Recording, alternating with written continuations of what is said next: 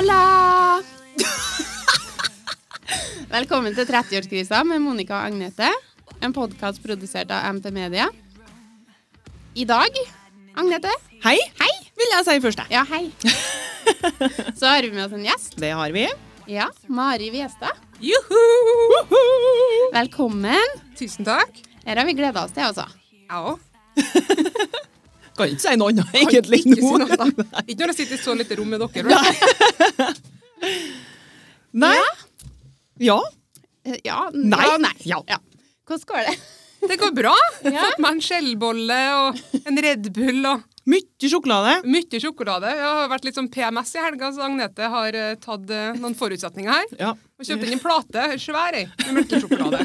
Og det setter jeg pris på. Tusen Ja, takk. Vær så god. Du må bare ta den hvis du kjenner at det begynner å knipe om. Takk for det. Eh, har du lyst til å fortelle litt om deg sjøl, Mari? Ja, hvor skal jeg starte? Jeg er jo eh, snart 30 år, da, så jeg, var veldig, jeg driver og teller ned månedene. Ja. Mm. Så jeg er jo 30 om 14 måneder.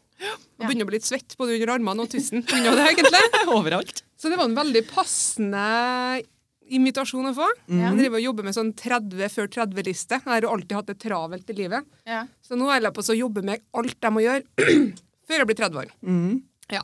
Men utover det så jobber jeg med næringsutvikling og jobber som yogalærer. Og brenner egentlig for empowerment av damer. Yes. Det er det, på en måte, det med sjølledelse og bli en bra utgave av seg sjøl og lære seg å gi litt faen. Det er noe som er nært hjertet mitt, i hvert fall. Mm. Mm. Kjempebra. Men den, men den lista di Jeg vet ikke om du skal gå gjennom den nå, eller om du skal ta den seinere, men jeg kan ikke fatte at den lista di er så gærent lang, for jeg har jo ført deg i ganske mange år. Og jeg bare Jeg syns det ser ut som du har gjort alt. Utfordringa der tror jeg er at jeg, blir jo, jeg får jo helt fnatt når man blir 30 år. Fordi at um, man har liksom det sosiale, konstruktive hvordan man skal være når man blir 30. Ja. Det er jo liksom mann og barn og hus. Og jeg har jo ikke noe. Jeg har jo med selvfølgelig en australier da, tilbake til Norge, men det er ikke noe stasjonsvogn eller hund eller eh, noe i det hele tatt. Så for min del så er denne lista noe jeg må gjøre. Jeg føler veldig på den der stresset for at folk rundt meg har lyst til at jeg skal ha barn. Ja, ikke sant? Så du kjenner veldig, Det er en veldig rar ting, i hvert fall når man har vært sammen i sju år. så er det sånn her, ja, når blir det barn? Og har jo slutta å drukke alkohol. Og når du da er snart 30 år og ikke drikker alkohol, jeg bare Ja, er du langt på vei, da? Ja, men det der syns jeg Jeg syns det der er så rart, for det har jeg jo tatt meg i ganske mye og sagt til folk som ikke har unger. Eh, skal ikke dere få snart dere, liksom? Og bare, men det skal jo ikke være en selvfølge det at du skal få unger. Nei, og så er det um, Men, Jeg- men for folk tenker jeg rundt sånn, i samfunnet sånn, så er det liksom sånn skal det være, på en måte. Ja. Det er jo litt sånn. Jo, men jeg er skjønner ikke. Jo, men jeg har begynt å tatt meg i det. Jeg tenker Ja. ikke sånn lenger. Jeg tenker sånn at uh, jeg, jeg driter nå i om folk har unger litt, liksom. Jeg, jeg tenker, Når jeg kikker på Mari, så er jo Mari sånn som jeg har lyst til å være hvis jeg ikke har unger. Ikke sant? Da tror jeg at jeg har vært sånn. Mm. Ja. Det snakker vi jo om, at ah, da skulle vi ha reist og gjort alt. ikke sant? Ja. Men har dere unger? Kan, kan jeg kan bare få sånn intro av sivilstatus og antall barn? Så jeg er sånn mentalt med. Jeg har to, Du har to. og jeg er alene. Ja. Mm. Hvor gamle er ungene dine? da? Seks og tolv. Blir tolv. Ja. Mm. Jeg føler jo meg som en tolvåring. Jeg er jo litt sånn her Å, du blir snart 30 år. Og bare, hæ? Hadde jeg akkurat begynt på barneskolen? Nei, ungdomsskolen. Jeg er jo helt der! Og det er så utrolig rart, for du husker pappa sa Pappa er jo 67, liksom nettopp blitt eh, snart pensjonist. da. Og han er, jeg føler meg som jeg er 21 i hodet. Jeg har vært sånn, ja, særlig. Men nå er jeg der sjøl. Jeg føler jo meg som en 15-åring. Så for min del, av og til så får vi besøk i næringsforeninga, får vi av og til besøk av ungdomsskolen. Ja, de hadde innovasjonscamp. Ja. Så ringte de da for å få litt uh, informasjon om den oppgaven de skulle ha. da. Og jeg bare Hæ?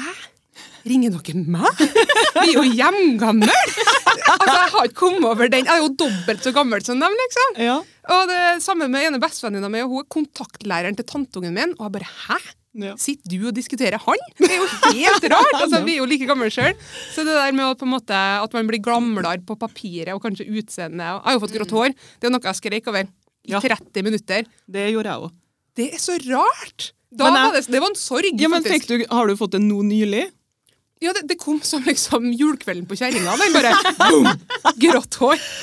Jeg fant mitt første grå hår jeg, når jeg var 21 år. Ja. Og det, det er ti år siden det nå. Og så er det så tabubelagt i tillegg. Sant? For vi lever jo i et samfunn igjen som på en måte feirer Altså, du ser jo ikke en rynke. Nei. På folk over 50 ser du jo som skuespillerinnene fra, fra Amerika. Mm. Så ser du jo ikke en fyre i panna. Nei. Så jeg ble jo helt sånn, da, da er det så heller så, ja, Johaug, for eksempel. da. Som er tydelig at hun ikke tar Botox. Mm. Da blir det litt sånn Hæ? Hva som er galt med panna di? For at du, det er så Unnskyld, Johaug, hvis du hører på podkasten, men Ja, det er jo helt Men- ja, garantert. Ja. Men altså, det er så uvant å se at folk eldes, da. Ja. Sånn som egentlig er naturlig. At man syns det er rart når man ser en rynke. Så det, Det for er min del hele den prosessen der er veldig, veldig snedig å på en måte feire at man endrer seg på den måten. Mm. Så ja, litt sånn midtlivskrise. Kvartlivskrise. Men det har jeg hatt det i fem år, da. Så. Ja. Ja. Nei, men altså, jeg er nå 31, ja. Og Monica blir det snart. Ja. Og bare jeg føler meg nå som at jeg er ung, eller 15 kanskje, til jeg òg, eller 20. Og så bare, jeg kan ikke fatte og begripe at jeg er 31 år. Jeg skjønner det ikke. Det går ikke an. Nei. Men så bare er det på papiret. Ja.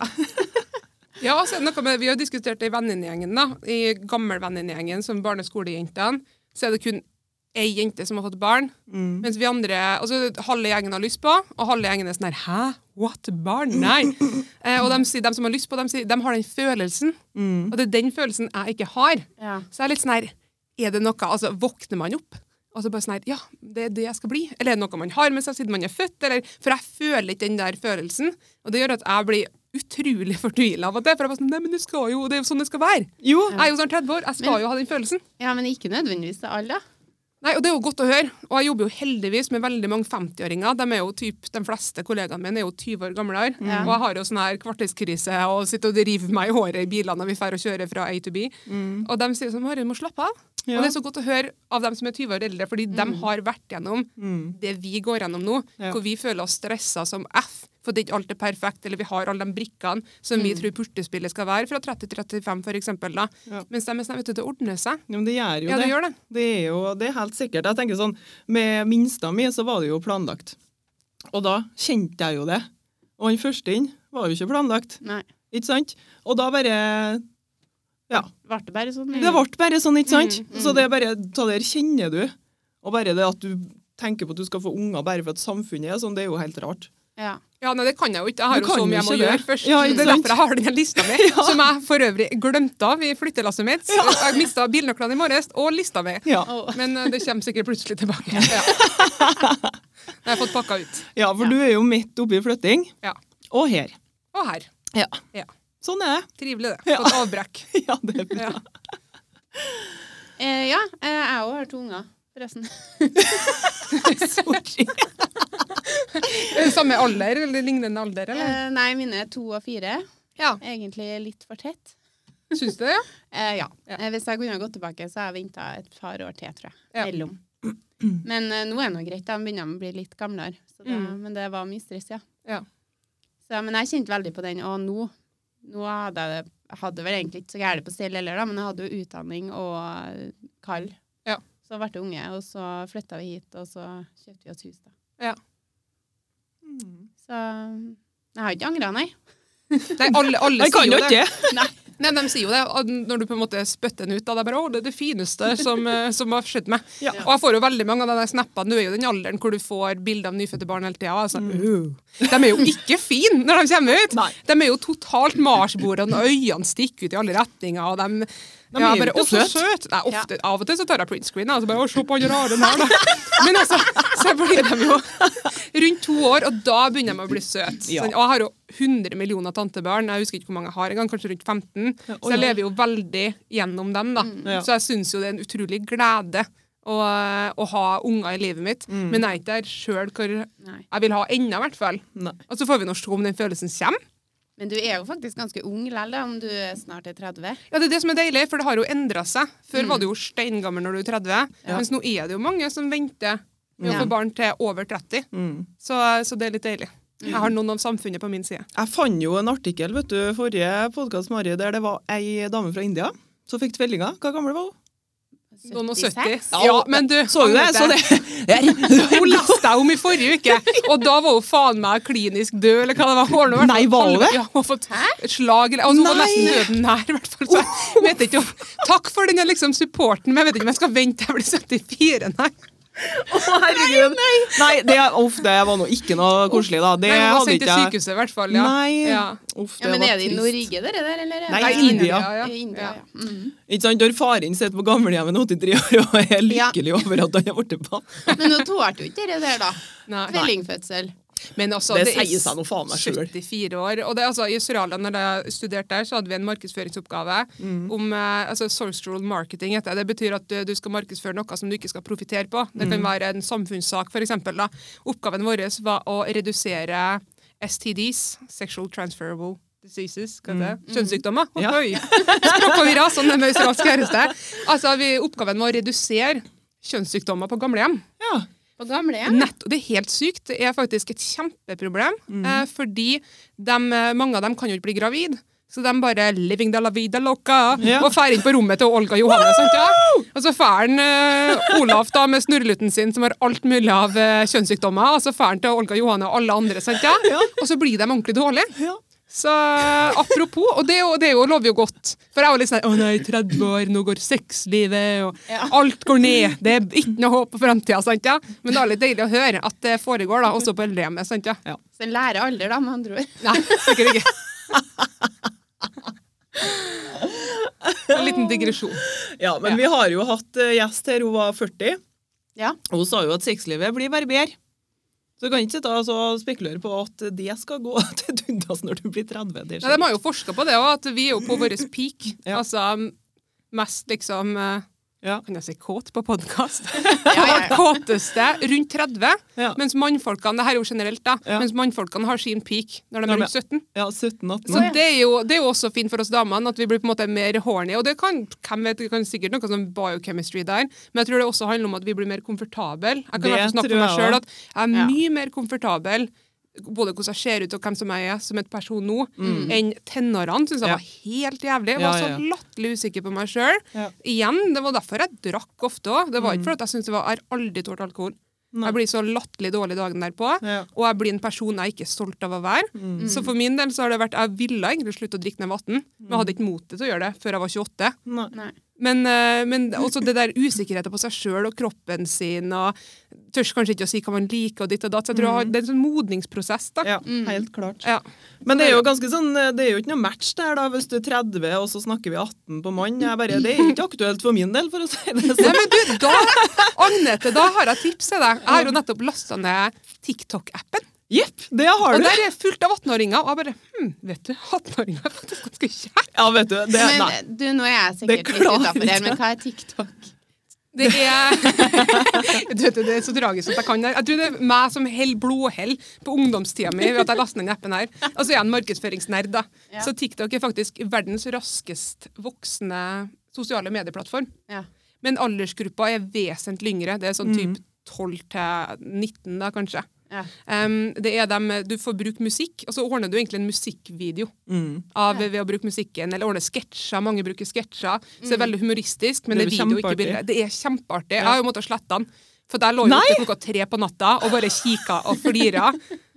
ja, det blir sånn at du bare ikke klarer å slutte å se. Og så er det jo så artig! Så hvis du har en dårlig dag på en måte, altså Instagram har jo den der effekten av at du kanskje du kan scrolle, og så går du i speilet og bare 'Å nei, puppene mine er skeive', og Ja. 'tennene Ja. mine stikker ut'. Altså, du, har et, du får en dårlig følelse av Instagram, for at det er så latterlig lyserosa perfekt. Mens på TikTok så er det bare sketsjing og bare fliring. da.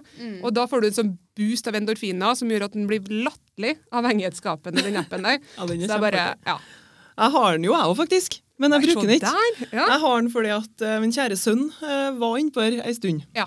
Jeg hører flere mødre som Ja. har sagt det når jeg har lagt ut Å, alle blir med på TikTok, for nå prøver jeg å verve folk på min egen alder. Sant, ja? Så det er ikke den eneste bestemora som jeg bare lager sketsjer. Jeg ringte jo til Jeg skulle prøve å lage sketsj Ja. for to helger siden. Nei, forrige helg, for da måtte jeg være barnevakt for mamma. For hun ble utskrevet fra Lian, og da kunne hun ikke være alene. Nei. Og hun lå og sov, og bare ja, kanskje jeg skal lage en musikkvideo. For meg selv. Å, Fy faen, jeg har brukt hele kvelden, jeg har brukt timevis. Og det er det, er det som er så imponerende med den yngre generasjonen. De er så latterlig teknisk anlagt. Ja, de er også flinke, og så er de liksom rett på. Ja. Ja.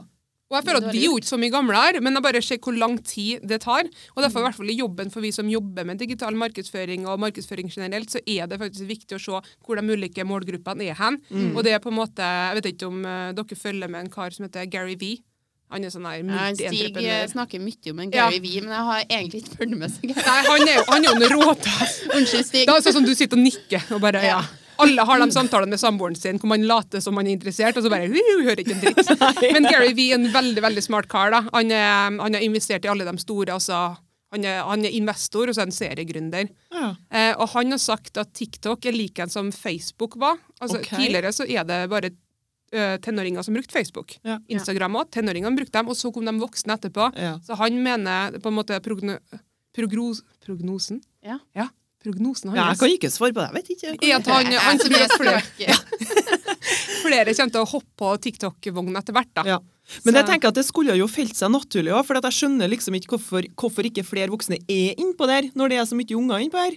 For å liksom følge med og se at ting går rett for seg, på en måte. da, For de er jo ikke noe store, de som innpå hvilken aldersgrense er det på å ta det? Det er tolvårsgrense, tror jeg. Det er kanskje, to- jeg vet ikke hva grensa er, men jeg vet det er veldig mange unge. Det er jo det, ikke sant? Og de blir servert det her eh, sosiale medier, ikke sant? Hist og pist, og det er jo ikke dermed sagt at de kan reglene på hvordan du skal forholde deg på sosiale medier. Jeg er bare så så glad for at ikke vi hadde altså jeg tenker hva, Om vi hadde det når vi var 13, Ja. 14 og 15 år, hvordan bilder og filmer og alt mulig rart fra Aure og Valsefjord og sånn. Altså, det har vært sånn her altså, Innholdet har vært 18-årsgrense, men folk som har laga det, har jo vært 13-14. Altså, Ja, så jeg syns faktisk ganske synd på dem som vokser opp nå, fordi mm. ja, igjen ser tilbake til tenårene mine og hvor mye jeg sleit med selvfølelse og selvbilde. Ja, Og det var uten sosiale medier. Ja? Så, og jeg ser det på tanteungene mine òg. Mm. En endring i hva de syns det perfekte er. da. Mm. Og det der igjen, det er det jeg brenner for, å på en måte fortelle at ting er ikke perfekt hele tida. Ja. Og at den der livet kommer jo et bredt spekter. Mm. Fra drittdager hvor du føler at det er helt jævlig, og det må vi takle. Mm. For vi har jo den der bølgen av depresjon, og jeg har jo vært deprimert sjøl òg. Mm. Men jeg tror det er noen som har Og nå har jeg en dårlig dag, eller jeg strøkker på en eksamen, nå er jeg deprimert. Altså den der definisjonsspørsmålet, hva er egentlig depresjon? Ja. Hva er det som er et sykdomsbilde, og hva er det som egentlig bare er livet? Mm. Den tror jeg er viktig at man snakker om. Helt klart. For man tror at alt skal være bra hele tida. Og det er jo kjempeutfordrende. Både Ja. for foreldre, for oss vanskelig. og for barn. Ja. Mm. Jeg bare Nei. Jeg det skulle vært, så har jeg skulle ha hatt ungene mine når jeg var lita. Hæ? Altså, altså, de har vokst opp da. vokst opp, eh, Ikke sant? Jeg syns jo oppriktig synd til dem som skal gå gjennom liksom alt det her. For Ja. at vi kan jo eh, liksom passe på mye, ikke sant? men noe må de jo bare erfare og prøve sjøl. mm. Og ja, det er jo så lett tilgang på alt. Ja, den Skummelt. det gruer jeg meg til. Altså, Så jeg bare tenker at nei, det er lenge til. Ja. Jo, For de er så små. Det er jo ikke noe vits å begynne å bekymre seg for det. nei, men det kommer fort, altså. Det kommer fort. Datteren min er jo seks nå. Ja. Ikke sant? Og I øynene mine er hun kjempelita, men nå går hun i første klasse nå. Fortsatt kjempelita. Mm. Og hun kikker jo på at de sminker seg, ikke sant? det er jo så artig, syns hun, og spennende. Og her en dag så sto hun framom speilet og liksom så på magen sin, Oi. og liksom hadde opp hendene da, og bare åh, jeg skulle ønske at magen min var sånn Ja. når jeg har opp hendene, Ja. for da ble den litt flatere. Ja. Og jeg bare Hæ?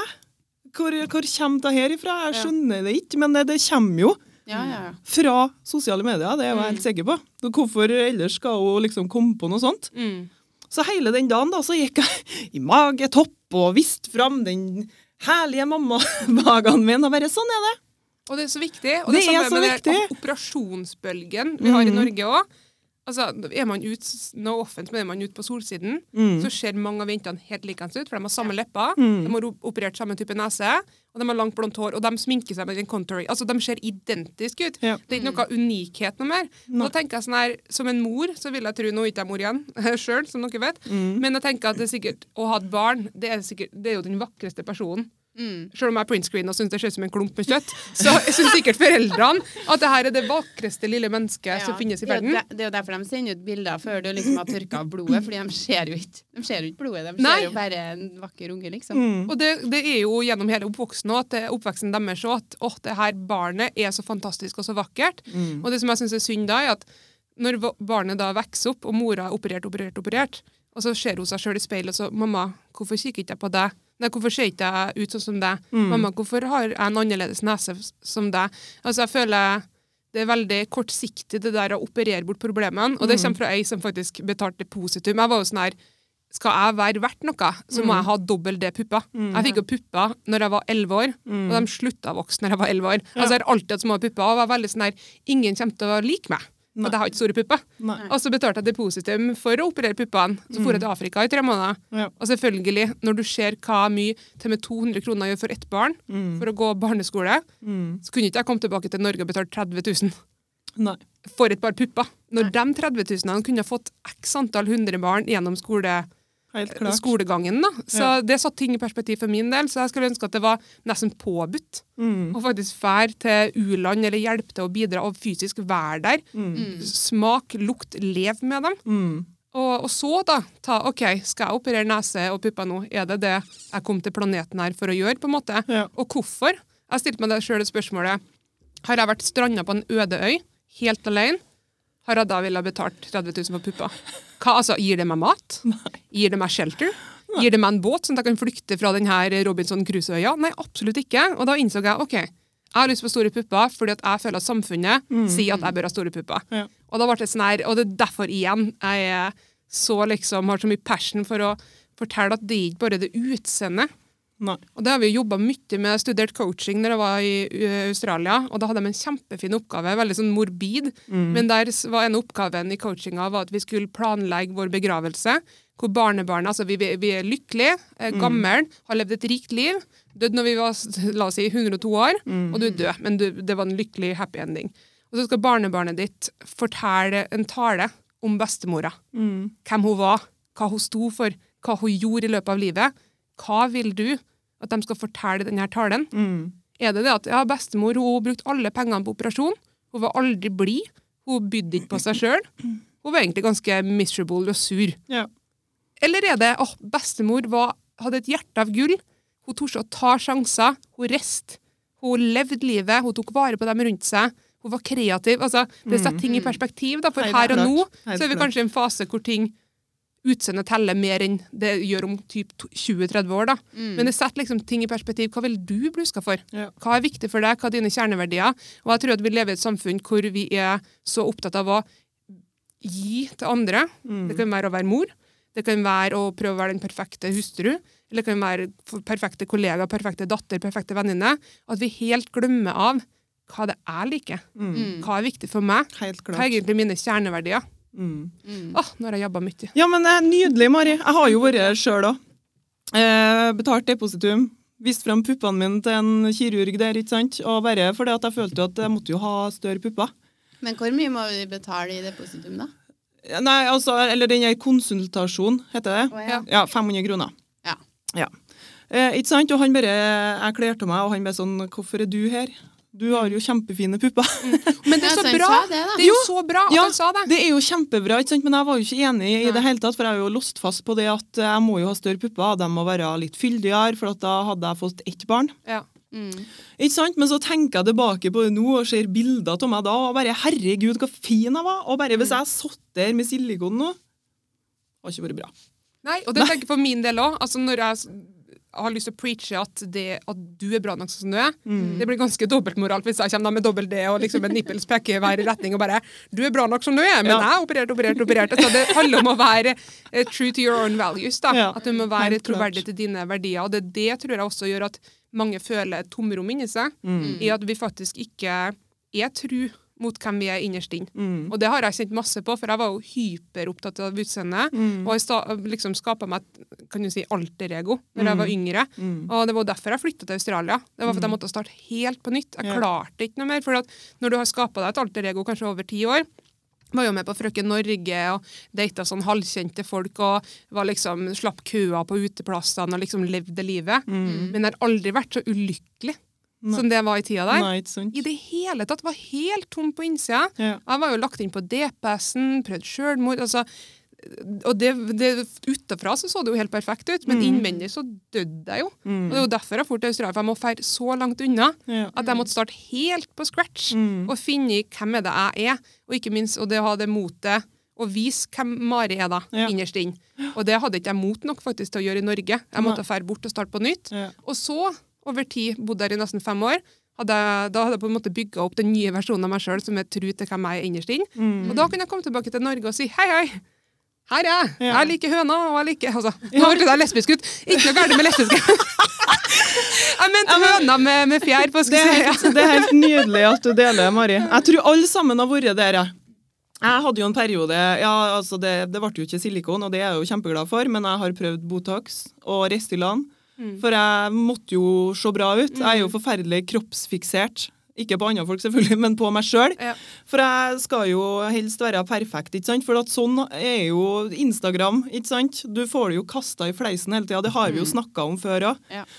Men nå liksom, nå holder det på så går over, og jeg bare har ikke tatt Botox på kjempelenge, og det er det trenger jeg jo ikke, for sånn er det jo bare. Mm. Og jeg liksom eh, går til psykolog for å liksom eh, få um, satt ting i perspektiv, da. Mm. Fordi at eh, kropp er topp, og du skal liksom eldes naturlig og alt det der. Mm. Og det ja, viktig å få fram. Helt enig. og jeg tenker sånn her, Hvis det er noen av lytterne deres nå som sitter på en måte og føler Kanskje har de bestilt en konsultasjonstime da, og kjenner veldig på at jeg må endre noe med meg sjøl. Eh, gjør jeg det, så blir livet bra.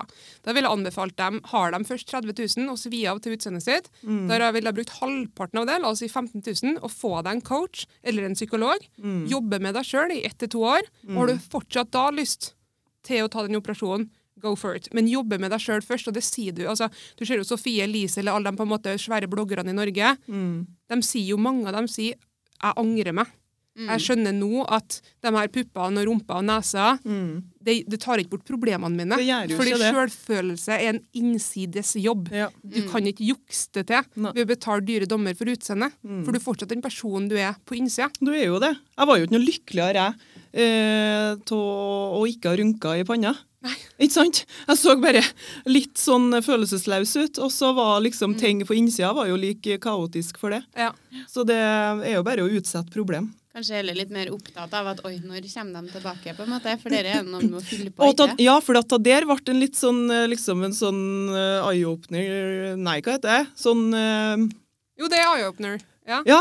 Det er bare sånn, ikke sant? For at jeg var jo helt glatt i ansiktet, og så begynte det å gå ut. Mm. Og da ser du liksom Om jeg har en rynke, da, så ser du den tusen ganger mer Ja. når den kommer tilbake igjen. Så jeg skjønner jo det at folk kan bare peise på, fordi at det ser ut som at det er tusen ganger hver. Mm. Men det er det jo ikke. Det er jo akkurat like som før. Men altså, bare Ja. Men jeg husker jo når du begynte å snakke om den rynka. Mm. Og det er jo ganske mange år siden. Så tenkte jeg alle dager, aldri sett noen rynke. Jeg har i hvert fall aldri tenkt over noen rynke i panna di, liksom. Nei. Jeg har heller ikke tenkt over det på meg sjøl, da. Nei. Men jeg bryr meg jo ikke om hva, hvordan andre folk ser ut sånn spesielt, ikke sant? men det er bare på meg jeg skal liksom fremstå så perfekt. Jeg, um, hvis jeg ordner meg ikke sant, og så går på butikken, da, så er jeg så opphengt i hvordan jeg ser ut for omverdenen, at jeg liksom kan kjenne at et neshår flytter seg i nesen min, for jeg er så opphengt i det. Mm. At ting liksom skal fremstå så perfekt. Mm. Og det er jeg så lei av. Ja. Men jeg føler at vi også har noen motvekt. Jeg føler at det er flere og flere Instagram-kontoer nå som viser strekkmerker. Ja. Eh, Jeg fikk jo vo- voksenakne. Jeg syntes det var kjempevanskelig. Aldri hadde kvise i mitt liv. Mm. Nei. Så plutselig ble jeg 22 og får byller i ansiktet. Har fortsatt arr og er rød i ansiktet over det. Mm. Men eh, du ser flere og flere kontoer som viser enten akne, Mm. aknearr, strekkmerker, pupper som stek, peker i alle verdens retninger. Ja, og jeg det, synes det er helt folk nydelig. jævlig lei av det perfekte der. Ja, Og beyond det så ser vi en motvekt nå, og det er veldig deilig å være med på den bølgen. Ja. Ja. Iselin Guttormsen, heter hun Ja, det? hvor var hun I går så la hun ut et bilde. Å ja, hun med dildoen i rumpa? Ja. ja. Vet du? Hun er så nydelig, hun. Og bare den der stillinga der, ikke sant? Doggy. Når puppene ikke sant, henger som noen lerver der. Og ikke sant, mesta er så slapt at det dasker deg i Ja. Det viser hun. Og hun Og det er så jo forfriskende. det er så deilig, for Ja. at hun er liksom sånn utseendemessig så er hun sånn helt nydelig. Så, ikke sant? så det kan jo framstå Hun kan jo lett framstå som at alt er helt perfekt. Jeg har ikke trengt å vise fram det der, hun. Men så bare kjører hun på, og så viser fram alt, og jeg bare Jeg digger det. Enig. Hun er bare helt Ja magisk. Ja, Og da, hun baner vei for andre. ja hun gjør det. Og du ser jo på kommentarfeltet at det er utrolig mange som Mm. digger det, og det viser jo igjen at interessen for det der, og den medsøsterligheten, da, Mm. at, da at vi er medsøstre. Vi er ikke imot hverandre, men vi skal på en måte skape et bedre liv i lag. da. Ja. Det er kjempeviktig. Og det tror jeg var litt eh, apropos den silikonpuppen. da. Altså, du har jo på en måte porno som kanskje mange blir introdusert til i en ung alder. Mm. Der ser du jo for det første at de hyler jo som en stukne svin. altså, og det, det er veldig sånn rar form for sex, om man kan si det. Det er jo en liksom. Setting. Det er jo ikke naturlig i det hele tatt. Og så er de puppene som strutter opp. altså Nå ligger du på ryggen, Mm. så ser jo jeg som en mann uten hår på brystkassa. liksom. Altså, ja, de er helt totalt flate. Og det samme når du er ligger altså doggystyla, så er den der majonespuppene. Ja. Og, og da blir det sånn Nei, men det er jo ikke det jeg ser på film. Her ser jeg jo, Det er jo basketballpupper, Ja. og de beveger ikke seg når de ligger på ryggen. Da skal de fortsatt stå opp. Ja. Så det er den her, på en måte, det her bildet som vi har danna oss gjennom sosiale medier, porno etc. Høres ut som en pornogris nå, men jeg tror de fleste har Mm. De vært fleste har jo sett porno. Og i hvert fall hvis du blir introdusert det til en ung alder, så er jo det kanskje mer enn den seksualundervisninga. Så er det kanskje porno som er nesten på en måte seksualundervisning. Noe som er nitrist. altså. Ja. Altså, tenker at man skal ha en tiss i hver en hånd og hvert et hull, og i tillegg ha pupper som strutter opp til værs, og hyl. Og gå ut i spagaten og stå på hendene. så det er ikke måte på. Nei, det er ikke sunt, eh, det er ikke sunt vet du. Nei. Det er ikke bra i hele tatt. Men jeg lurer på er det, Syns karene det, det liksom på en måte er så Jeg tror heller ikke det. Så. I hvert fall ikke alle. Det tror ikke Jeg jeg vet heller. ikke, men jeg så jo akkurat en dokumentar om det der. Eh, både karer og kvinnfolk som var med, da, og de Mm. har jo sett så mye på porno at når de liksom skal ha sex sjøl, altså, de kjenner jo ingenting. De blir jo ikke kåte. Det skjer jo ingenting, for de er jo helt ødelagt av porno. For de liksom kommer i den settinga som skal være naturlig, da, så er det jo ikke det. Mm. Det, så du det på Red Table Talk? Er det den dokumentaren du så? Jeg vet ikke hvor jeg så den. Jeg var på Netflix, tror jeg. Ja. Kanskje. Okay. Jeg Ja, for jeg så noe lignende på Red Table Talk, som mm. er kan du si podkasten til hun, eh, dama til Will Smith. Mm. Kjem, anbefales. Ja, det er jo ser den på Facebook, da. Det er Ja. ikke, en podkast du må se filmen, på en måte. Okay. Men hun snakka, hun, også hun intervjuer par, Mm. så kudos til dem som tør å være så ærlige som de er. Mm. Og han var pornoavhengig, han mannen. da. Og da snakka de om hvordan det på en måte påvirka ekteskapet. Og han var veldig eh, ærlig om at han følte at den normale sexen var veldig kjedelig. Fordi hun ikke gikk i spagaten eller altså, typ sånne her rare ting som de gjør på pornofilmer. da. Ja. Tar inn en dverg og Herregud. esel og donkey. Å, Jeg er helt i sjokk. jeg. Nå blir jeg svett igjen. Overholdt, faktisk. Nei, skal, vi, eh, skal jeg fortelle hva vi skal til med i dag? Ja, nå har vi liksom snakket snak vi har snakka oss gjennom hele programmet, vi nå. Introduksjonen til Mari. Det var latterlig mye digresjoner. Ja, Vet vi egentlig hvem Mari er nå? Vi har fått en god innsikt, i hvert fall. Ja. Ja, Det er bra. Kjempebra. Ja. Eh. I dag så skal vi ha Snurrebarten. Vi skal snakke litt om dilemma. Så skal vi ha en spørsmålsrunde til Mari. Og så skal vi ha Ukens. Og så har jo Dromnes en liten sånn eh, Et lite Hyss! hyss til slutt. Ja, vi kaller det Ja. For jeg veit egentlig ikke hvor det er. så- Nei, det gjør du ikke. Nei. Men da begynner vi med Snurrebarten. Og da skal vi fortelle en historie hver. Og så skal de to andre prøve å For det i utgangspunktet er det negativt, men vi skal prøve å snu det til noe positivt, da. Ok. Dromnes, vil du begynne? Eh, nei. Nei? Men jeg kan starte. Ja. Ja. Um, og det er jo fordi at jeg håper jo på å få svar. Av dere kan være hobbypsykologene mine. Mm. Jeg ringte jo bestevenninna mi forrige uke òg. For det er én ting jeg ikke skjønner, og det er hvordan kan man finne ut hvor man vil bo hen. ja. Hvordan finner man ut det? Altså, Jeg blir sjalu jeg kjenner på de barndomsvennene mine som har Jeg er jo født og oppvokst på Melhus. Em, og så har du bedre folk som bor der hele livet. Og så blir de forelska og gift med noen fra ungdomsskolen. Ja. Det er jo kjempe, altså, romantisk som F. Det er jo kjempebra for dem. Ja. Og da vet de hvor de skal bo hen. Ja. Det er Melhus. Ja.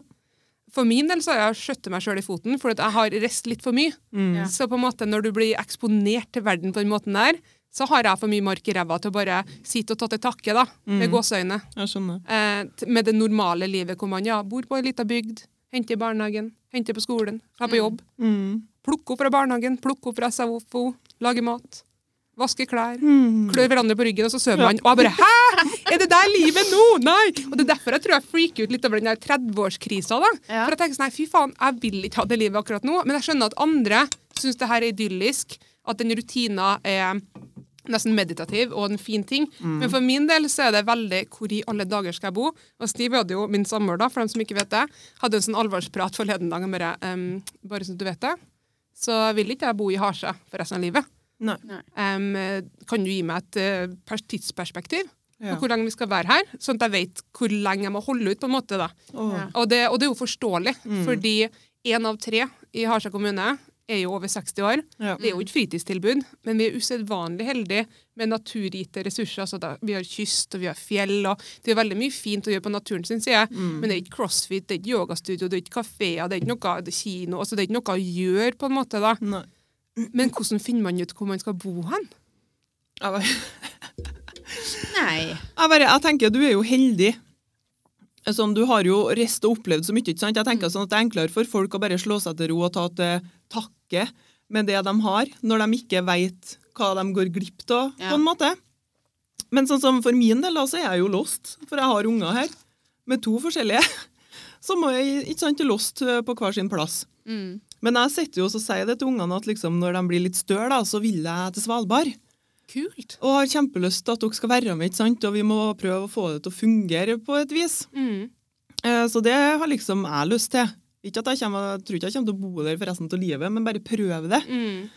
Men sånn, eh, jeg har jo kunnet tenkt meg, har bodd mange plasser, men jeg er lost. Mm. Men jeg er litt sånn at jeg er fornøyd med det ba basen jeg på en måte, det som er Mm. sånn standard. Og det, det merker jeg litt på For mannen min han er litt annen type, litt mer sånn eventyrlysten og syns det kan kanskje bli litt kjedelig, da. Uh, mens jeg er sånn Nei, men jeg finner så mye glede i ungene, jeg finner så mye glede i hverdagen, og bare det å så utfordre seg sjøl på sånn småtteri. Mm. Mm. Så det er på en måte det gjør meg fornøyd, men eh, det er jo, vi er jo ikke likeens alle sammen. Mm. Og vi er ikke det. Jeg tror den sånn- hverdagsgleden er kjempeviktig. Det der å på en måte ikke leve for fredagene og ikke leve for sommerferien. Altså Mm. ha den hverdagsgleden hvor det er å ta en kaffe på trammen da, Mm. en solrik søndag er mer enn bra nok, selv om det er hjemmelaga kaffe. Ja. Eller som du sier, gå på tur med småttisene eksempel, og se at de koser seg. Mm. Den hverdagsgleden er kjempe, kjempeviktig. Men hvor man skal kjøpe seg hus, den syns jeg er kjempevanskelig. Hvor skal man på en måte putte pengene sine? Jeg er jo total skrekk for å investere i et hus, for da er det sånn, nei, da er jeg lost for livet. Og man er jo ikke det heller, nødvendigvis. Men jeg kjenner jo veldig på den der, men hvor skal jeg bo hen? Skal jeg, gå, skal jeg flytte der vennene mine? Mm. Skal jeg flytte der foreldrene mine? Mm -hmm. Skal jeg flytte der det er et yogastudio, for jeg liker yoga eller dansing? Altså, hvordan finner man ut det? Jeg vet ikke. Jeg tror, men tror ikke du det er bare likeens med unger, at du bare får en følelse av at nå er det på tide til å slå seg til ro? For at du har jo ikke, du har jo liksom kjæresten din, og dere kan jo ferre, dere kan jo ferre overalt. Mm. Fortsatt å Mm. oppleve alt mulig. Det er jo ikke nødvendigvis at du må slå deg til ro neste år. For sånn er det bare. Og det der er så rart, for jeg begynner jo å bekymre over pensjonsordninga. og da blir jeg svett under armene og på tissen. For jeg er litt sånn her, ja, men hvis jeg drar nå, la oss si at jeg har lyst til å spare pengene og kjøpe sånn minibuss, og drar overalt en minibuss. Ja. Um, og da er jeg sånn, nei, men da mister jeg pensjonen min de årene der. Altså, jeg, jeg er sånn her uh, bekymra over sånn det er jo Ja. uvesentlig. Pensjonssparing er er faktisk veldig viktig, spesielt for generasjonen vår, Ja. hvor vi ikke får like bra forutsetninger som de foreldregenerasjonen vår. da. Helt Mm. klart. Men uh, ja. Men altså, folk, du ser jo folk som gjør sånt overalt, og de får det jo til. ja, det er det. Man må ta en chill-pill, tror jeg. Ja, Ja. jeg tror kanskje det. Mm. Kan hende at du stresser litt for mye, fordi at, fordi at samfunnet har sagt at det skal være sånn. Ja. Jeg tenker at Hvis jeg har stått her alene uten unger og ikke hadde noen å forholde meg til, på en måte da, Mm. så har ikke jeg kommet til å bodd på Aur og liksom slått meg til ro der, fordi at, uh, fordi at jeg har ikke trengt det. Mm. Vanskelig der. Jeg tror det bare kommer en følelse. Mm. Ja. Men det er jo det greit Det er jo det som er så bra, at vi på en måte føler så godt på oss sjøl, hva som er rett for deg. Mm. Og du, det som er rett for oss, er jo ikke nødvendigvis rett for deg. Så det får du jo godt beskjed om, skal jeg til å si. Det blir spennende. Følg med i podkasten Hvor er Mari om et år? Hvor er Mari? Kanskje vi skal ha sånn segment blir, hver uke. hva heter han med den stripete genseren? Hvor er Valdo? Er det han? Ja, det er det. Where's ja. Waldo? Ja, der er du. Ja, Det, det blir- det blir så Bortsett fra at jeg har ikke ei bikkje, da har jeg med hønene. ja, Men du kan jo ha stripete genser. Ja, den kan vi lage, vet du. Uh, ja, jeg vet ikke om du føler du fikk så mye svar. Jævlig dårlig svar. Nei. Men det var en fin, dia det er en fin dialog. Hun ble ikke, ble ikke noe klokere. Men det som jeg innser, da, for jeg går jo til psykolog ennå, da, og det er jo litt for um, å forebygge. Mm. Fordi at eh, altså, Statistikken viser har du vært um, severe depressed, Mm. så er sjansen for å få det tilbake ganske stor. Så når jeg kjenner at oi, nå begynner ting, og nå er det ugler i posen, som de Paradise-folkene bruker å si. Ugler i posen. Si det nå, ja. En, eh, da, da drar jeg til psykologen. Ja. Og jeg er jo litt sånn her eh, Jeg har jo lyst til at hun skal uh, ta valg for meg. Ja. Ja. Hvor skal jeg bo? Ja. og sånne ting. Hun bare, Mari, jeg kan ikke ta det valget for deg. Det Nei. der må du finne ut sjøl. Ja. Så det handler jeg tror også litt sånn ansvarsfraskrivelse. De har en utrolig spennende forskning på akkurat det her med at vår generasjon, vi har så mye valg, Mm. Og det har ført til at vi er paralysert. Mm. Og så har de forska på det at dem som ikke har noe valg, er lykkeligere i valget sitt Mm. enn dem som har tatt et valg, men sitter der og vet at farsken, jeg kunne ha valgt A, B, C eller D eller E. Mm. Det er altfor mye valg. Det var jo det vi snakka om forrige gang eller gangen før det. At når du er på butikken, og så For at jeg har sånn beslutningsvegring. Jeg klarer ikke å bestemme meg hvis det er for mye valg. Så jeg, jeg veit ikke. Nei. Jeg vil ikke ta et valg. Jeg vil jeg egentlig bare ha tre valg, da, så kan jeg ta utelukke to. Ja. Det er nok, det. Men så, men så fant vi ut det jo når vi var på butikken. Da var det så lite å være til. Jeg husker ikke på hva det Ja, var for noe. det. Og da jo, var det var interiør. Ja, da var det faen ikke bra, det heller. Nei. Nei? Nei, det blir aldri bra. Det er vanskelig gjeng. Men jeg syns det er bedre når det er mindre valg, da. Ja. Ikke altfor mye valg. Ja, vi har altfor mye å velge og vrake til. Men det er jo sånn som det var til oss. da. Vi kunne jo velge mellom å bo i Gjøvik og ikke ha noe barnevakt, eller å flytte hit og ha tilgang på familie og hjelp og Ja, og det gjør at for min del syns jeg det er kjempevanskelig. Mm. Skal jeg flytte til Australia? Og jeg ser det jo, pga. søsknene mine har hatt barn, Mm. og nå har svigerinna mi, altså søstera til Steve, har en eh, liten unge. Svigermor drar til henne hver helg. Mm. Um, hun ammer ikke, så hun, svigermor kan ta babyen hele tida den helga. I hvert fall på fredager vet jeg svigerinna mi har helt til seg sjøl, Ja. Mm. for svigermor tar ungen. Ja. Så da får du puste. For i Australia så har ikke de samme på en måte kvoten på foreldrepermisjon, så du kan på en måte mannen kan jo bare utelukke. Han må jobbe for Ja. å i tatt forsørge okay. familien. sant ja? Ja. Um, så jeg ser jo denne verdien av å ha familie nære. Til og med for meg som ikke har barn nå, så skjønner jeg verdien av å ha barnevakt, eller bare den mentale støtten familie Mm. sikkert gir Mm. når du føler deg helt ræva, hormonene er overalt i kroppen, og du føler at du blir gal, Ja. um, og ikke eier din egen kropp, for du ammer hele tida, lager mat, og du sover ikke, og alt det der. Mm. Jeg til Australia da, og bosetter meg der, så har ikke jeg noen. Nei. Nei. Så det gjør på en måte, det blir så utrolig ekstremt. Men Mm. igjen så har ikke jeg lyst på barn, så hvorfor tar jeg valg av Jeg vil ikke flytte til Australia nå. Grunn Ja! altså, da ble jeg helt klin kokos, og så Ja, ligger jeg våken da, og spekulerer på det her. Men har ikke det i bakhevet da? At det er på en måte det som er normen? Det som er forventa av det? Det kan godt hende. Jo, for det nå der- sitter du jo og planlegger ut ettersom at du skulle hatt unger. ja, Så men den kan du samtidig jo som bare ikke vil ha det. Ja, Ja, ikke sant? Men det er ikke fordi at du ikke vil utelukke det helt, da. det er sikkert det. Mm. Ja, at jeg plutselig våkner opp og bare Steve, parme!» Nå er det dags! Nå er det dags! Få i nesle! Få i eselet! Han er liksom et tema for uh, podden. Jeg tror jeg begynner å se på porno, for det her høres nå spennende ut. Men du, apropos, der må jeg ha en liten digresjon igjen. Jeg elsker jo en dokumentarserie på YouTube. Hekta på YouTube. Jeg ser jo ikke TV, men jeg ser YouTube. Ja. Og der har du en dokumentarkanal som heter Vice, V-I-C-E. Mhm. De har alt mulig snåle dokumentarer. Og apropos esel Det her er grisete, altså, men jeg må bare si det likevel. Så besøkte de en liten eh, landsby i Sør-Amerika. mm. Fordi eh, de har hørt at det er normalt at mannfolk har sex med esel. Nei, gud. Helt sykt. Og han mannen som ordner dokumentarene, han bare Det her kan ikke være sant. Nei. Eh, og begynte, for det første var landsbyen vanskelig å finne i seg sjøl. Ja, det kan jeg nå forstå. At de har gjemt seg. Det er ikke noe skilting. Donkey Town.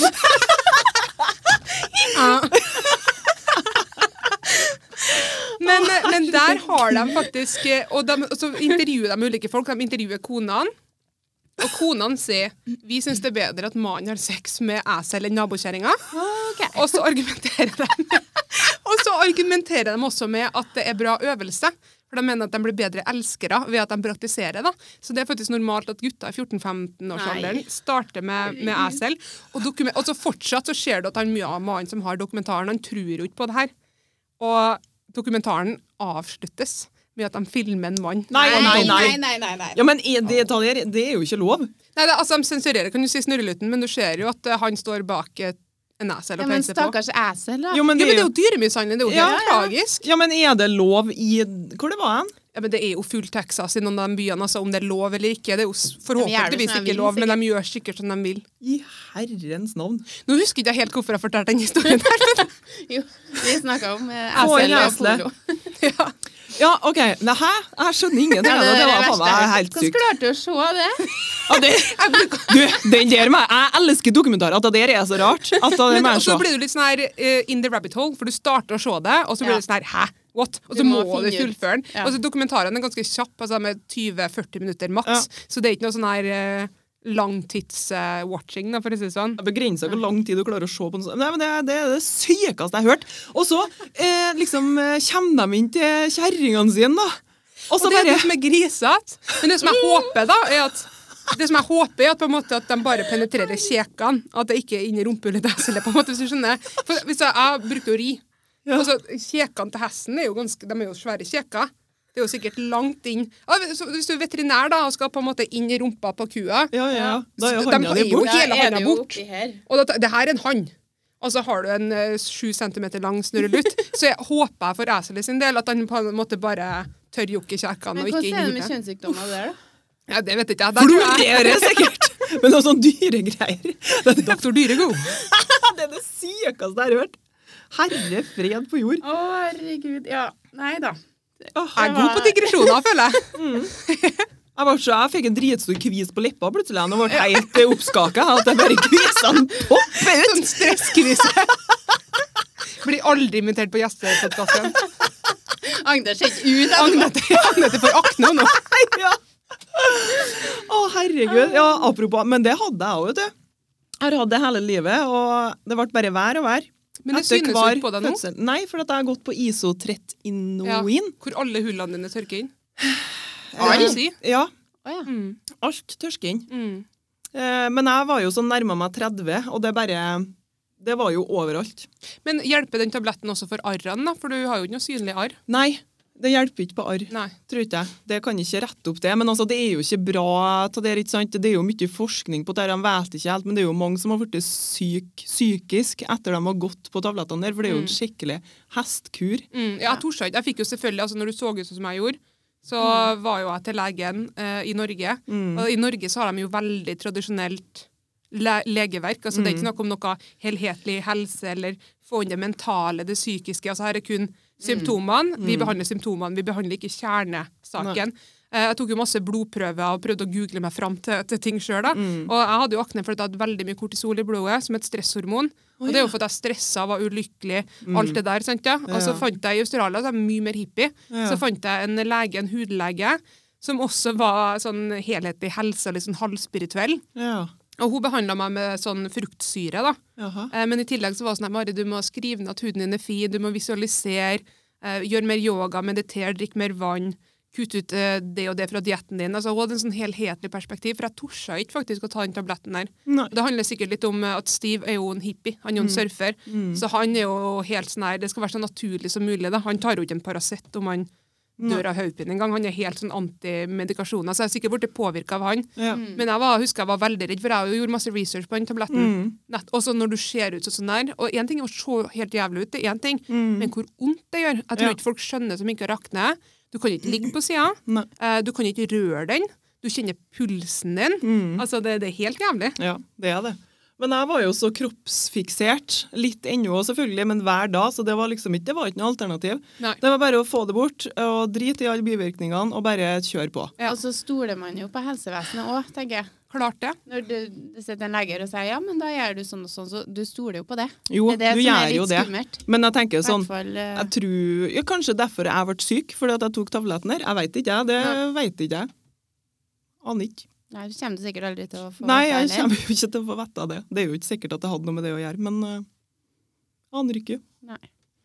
Men uh, jeg må skyte inn en liten historie. For at etter jeg fikk uh, første ungen min, så fikk jo jeg litt sjokk. Mm, Uh, og så endte jeg opp med svangerskapsdepresjon. mm, Jeg gikk i åtte måneder da, før jeg egentlig innså hva det var, for jeg holdt det til meg sjøl og sa ikke noe til noen. da. mm. Og når jeg endelig Når det ble så ille at jeg ikke klarte noe mer, så ringte jeg til mamma og så fortalte jeg det. Så sa hun ja, ha det til legen. Og um, jeg vet ikke hvor mange ganger jeg fikk tilbud om antidepressiva, men det var ganske mange ganger. Mm. Og til og med seinere, etter mm, unge nummer to, så var jeg inn for at jeg hadde så mye vondt i hodet. Så var jeg inn, i, um, inn på St. Olavs, og da var det en lege der, en nevrolog, som sa det. Ja, men du kan ta den antidepressivaen her, for da blir du kvitt hodepina, og så er du, er du, jo deprimert i tillegg, så det er jo, det er jo kjempebra, liksom. Mm. Så jeg bjeffa så gærent til han legen. Jeg ble så sint på ham, for jeg syns det er så dumt når jeg på en måte har kommet meg ut av en sånn svangerskapsdepresjon en gang før, Ja. uten å bruke noen antidepressiva. Mm. For det er jo ikke noen enkel løsning, det heller. Nei. Så skal han på en måte prøve å presse det på meg. Heldigvis så var jeg jo såpass uh, sterk at jeg klarte å si nei til det, da. Og klarte Mm. å komme gjennom det på egen hånd. Ja. Men det, Men, det er det jo er kjempefint at du klarte det. Men jeg tenker sånn at vi skal ikke avskrive medisiner her. nei, nei, absolutt ikke. det kan jo hjelpe mange, det òg. For all del. Det kan det, men sant, hvis at du kan prøve Jeg syns at du kan jo prøve kanskje få snakke med en psykolog først. Da fikk jo ikke jeg, for det var så gæren ventelist. Mm, Mm. Så jeg måtte snakke med fastlegen. mm. Og han var jo dyktig, han, men han har jo ikke noe han har jo ikke noe grunnlag for å ta seg av det, kanskje, på samme måte som en psykolog. Da. Nei. Det blir jo, det, men det, er sånn, det syns jeg er litt skummelt, at fastleger skal sette seg ned. Ja, de kan snakke med deg, og sånt der, ikke sant? men jeg, det er jo min erfaring. da, Så har jeg snakka med leger, og så har jeg snakka med psykiatrisk sykepleier. Og det er sånn, det er så mange da, som ikke skulle liksom ha vært eh, og tatt sånne caser, da, selv om det er psykiatrisk sykepleier. For jeg vet ikke. eh, Med de rundene her nå med eh, alvorlig depresjon og bla, bla, bla, så har jeg fått hørt så gærent mange ganger at du kan jo finne en mann. Oi, ja. serr? Ikke sant? Og da blir jeg sånn Der har vi løsninga. Psykiateren sier det? En psykiatrisk sykepleier. Ja. Før jeg vært henvist til psykolog, så var det litt sånn Kan du ikke finne en mann, da? Å, herregud. Ikke sant? Og det har jeg fått hørt så gærent mange ganger. Og jeg bare sånn tenker sånn, når det stormer som verst, og du er liksom eh, ikke nede i kjelleren, men liksom nede i det rommet som er under kjelleren. Bomberommet. Ja, ikke sant? Og så skal du liksom arbeide så gærent med deg sjøl. Skal du da liksom involvere noen i livet ditt da, og så skal du håpe at ting blir rosenrødt? Og det der tror jeg er hvorfor folk skiller seg òg, er fordi at det er ikke opp til partneren vår å gjøre oss hel. Det er jo ikke det. I det hele tatt. Nei. Og for min del så er jo vel Jeg syns jo forholdet beintøft. Mm. Jeg vet ikke om jeg tror på monogami. Jeg vet ikke om jeg tror på eh, forhold som varer for alltid. Nei. Jeg og Steve har jobba beinhardt vi, med forholdet vårt for å komme dit vi er i dag. Ja, men det er jo Masse- mye arbeid. Veldig mye arbeid, og det er Ja. det folk ikke skjønner, tror ikke jeg. For du må forsake så mye. Mm. Det krever så mye tålmodighet, og det krever at man gir rom. Mm. Og skal man være sammen for resten av livet, så må det også være rom for vekst. Mm. Altså, Se på oss hvordan vi var for ti år siden. da. Vi har endra oss mye på ti år, vi. Og vi kommer til å endre oss om ti år òg. Så, så det der på en måte å, å trenge på noen og si at ja, du blir hel, du blir frisk. Hvis du har en, en mann eller dame Mm. Ja, det eller er så feil. Og jeg bare, æsj, jeg bare Det har jeg liksom, det er sånne ting jeg sitter liksom og tenker over nå, da. Når ting er så mye likere. Mm. Så bare liksom Hæ? Men var det virkelig flere enn én person som sa det? Ja, ganske mange som har sagt det til meg. Når det har storma som verst, så har de foreslått det at kanskje du skal finne deg noen. Så blir liksom ting enklere. Jeg bare Ester Perel hun er jo en eh, som parterapeut. Mhm. Hun er verdenskjent, kanondyktig på det hun hjelper med. Hun har gitt ut en bok som heter 'Mating in Captivity', altså Mhm. paring i fangenskap. Som handler om ekteskap eller langtids... Hun kaller det ekteskap, men man trenger ikke å være gift for å på en måte kjenne seg igjen. Nei. Det er for alle som har vært sammen over tre år. Typ, da. mm. Og hun sier at i det moderne samfunnet nå, så har vi partneren vår. Den skal være psykologen vår, bestevenninna vår, foreldrene våre, kjæresten vår, sosiologen vår, Mm. arbeidskollegaene våre. Altså vi, vi har sett så mye hatter på én person. Mm. Før i tida så var det sånn her Ekteskapet var jo mer en sånn eh, økonomisk kontrakt på en måte for 100 år siden. til meg, sant ja? Ja. Men så hadde du vennene dine til noe, du brukte foreldrene dine til noe. Mm. Du hadde ulike hatter på ulike personer, mens nå peker vi på partneren vår og sier du skal gjøre meg lykkelig. Ja. Du skal gjøre meg hel. Du skal sørge for at jeg får personlig vekst. Og det er så viktig å ikke ha all den vekta på ett individ, for det er urettferdig for partneren. Der har vi jobba masse med at Steve jo, jobber jo hjemmefra. Mm. Ikke like sosial som meg gjennom jobb, nettopp fra kontorhjem. Mm.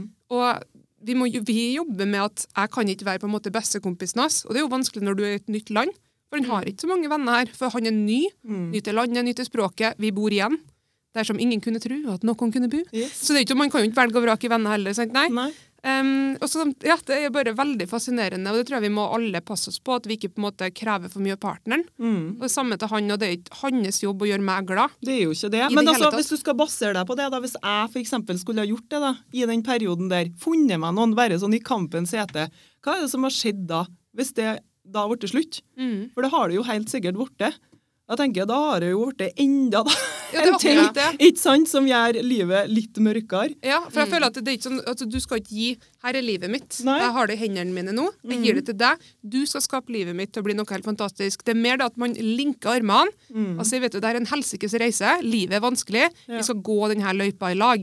Mm. I lag, ikke at han eller hun har ansvar for å gjøre alt for oss. Mm. Og det er fra jeg igjen som er deprimert, altså jeg har innsett det at det er ingen andre enn meg sjøl som kan gjøre livet bedre for meg sjøl. Helt klart.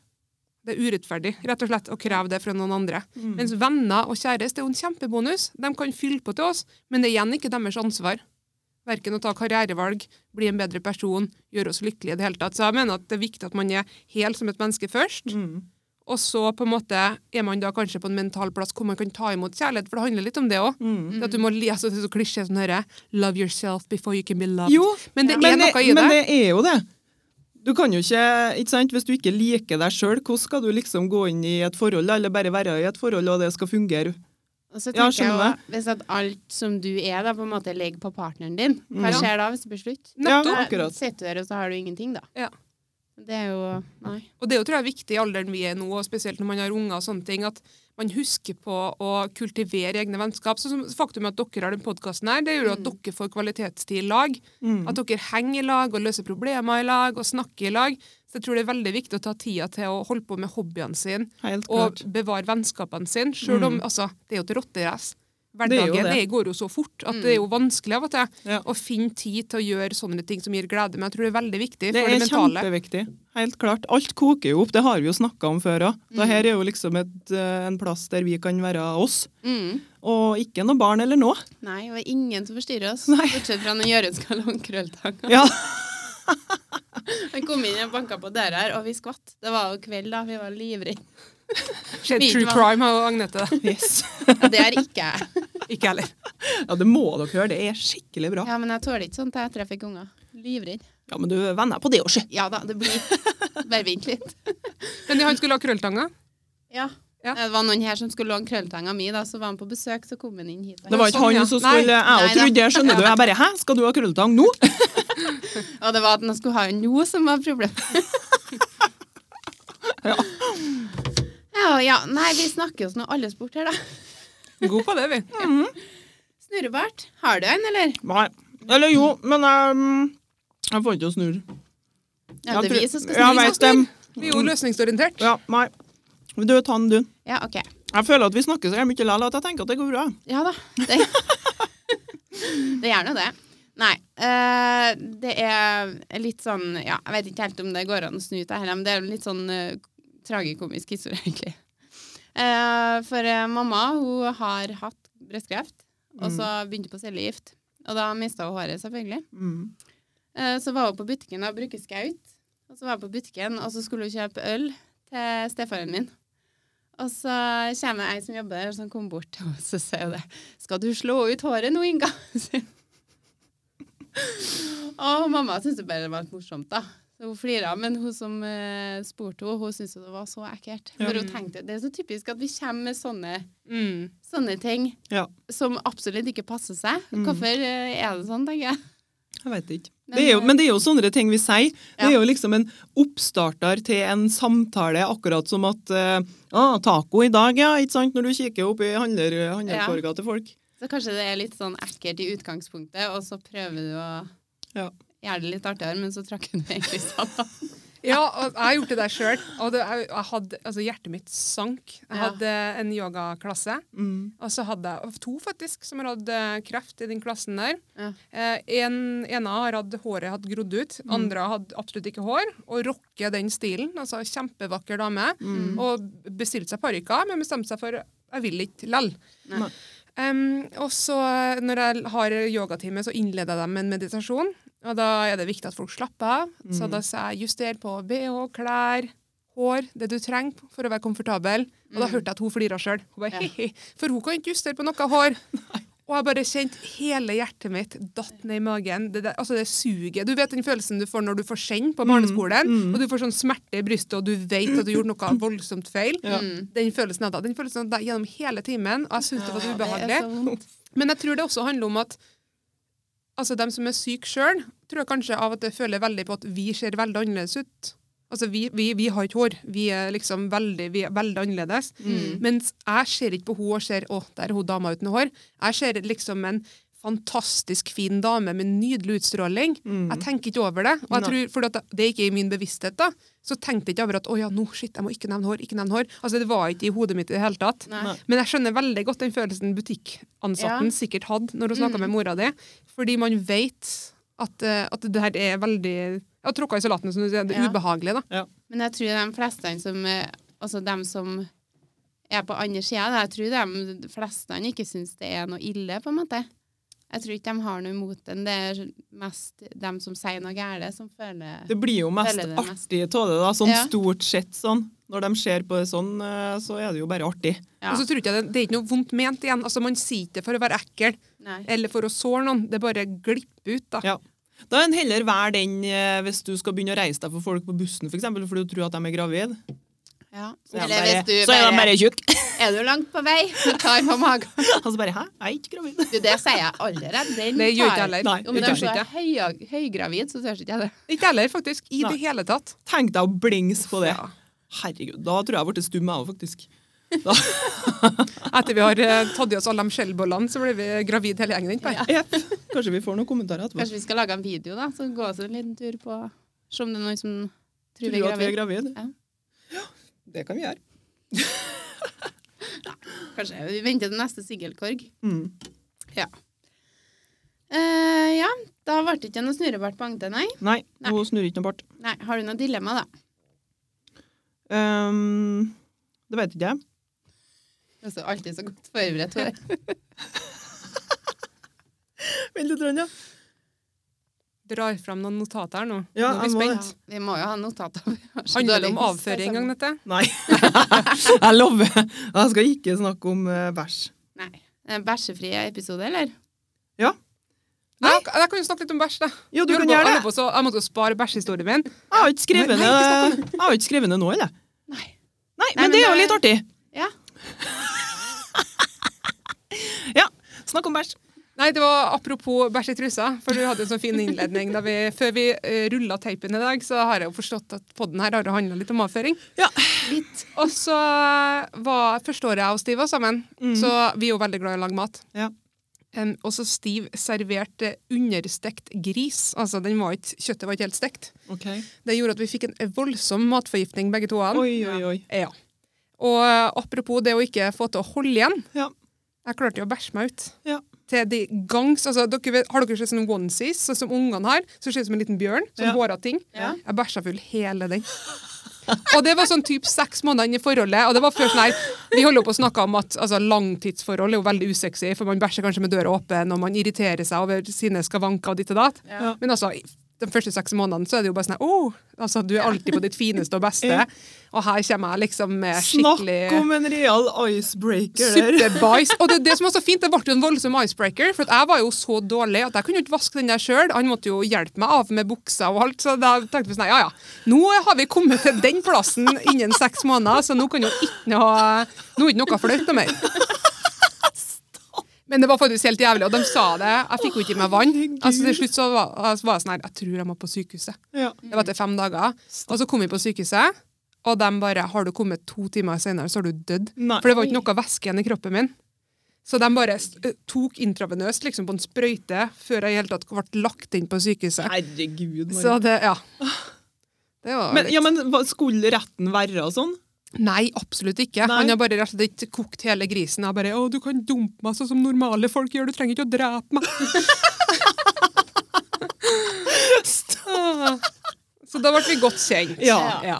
Å, herregud. Jeg, bare, jeg er litt dårlig. Jeg, jeg snakker jo mye om uh, det der, men sånn, uh, når det kommer til forhold og sånn, så er jeg kjølig dårlig på sånn. Vil, det vil jeg liksom ha privat sjøl, om det ikke høres sånn ut. Ja, men det tror jeg kanskje kan være en fin ting, og der har jeg dritt det i salaten. Da, så dere, Ja, altså, det, nå angrer jeg meg litt, for at det, det har kanskje vært litt fint å ha det for meg sjøl. Ja, ikke sant? Men også har jeg jo laktoseintoleranse, Ja. så jeg har jo sånn knep på å få ut gassen. Ja. Fordi og så elsker jeg ost, Ja. elsker Biola, elsker alt som har med meieriprodukter. Ja. Og det er jo ikke at jeg er allergisk, jeg dør jo ikke hvis jeg spiser laktose, Nei. men du blir intolerant, så jeg får smerter. Ja. Og så blir det gass som har satt seg fast, og så må jeg få det ut. Og så fikk jeg et veldig bra tips av en pappa. Hvem vet hvorfor, hvordan Ja, han vet det her? dem gleder jeg meg til å høre, for jeg òg er så gæren Ja. fiskefull. Så det du må gjøre, da, er rett og slett få rumpa di må være det høyeste punktet på kroppen. Ok? Så det betyr at uh, du må kanskje stå altså, Vet du av downward facing dog, den yogastillinga hvor rumpa er opp? Du står på alle fire. Nei, eh, da driter vi i den. Men det som jeg gjør, da, er at jeg putter knærne mine på en stol, okay. og så strutter jeg med rumpa opp, Ja. og så lener jeg meg framover. Og så må du ta noen dype åndedrag, sånn at lungene dine presser gassen nedover. Og da bare Sånn blir det, liksom.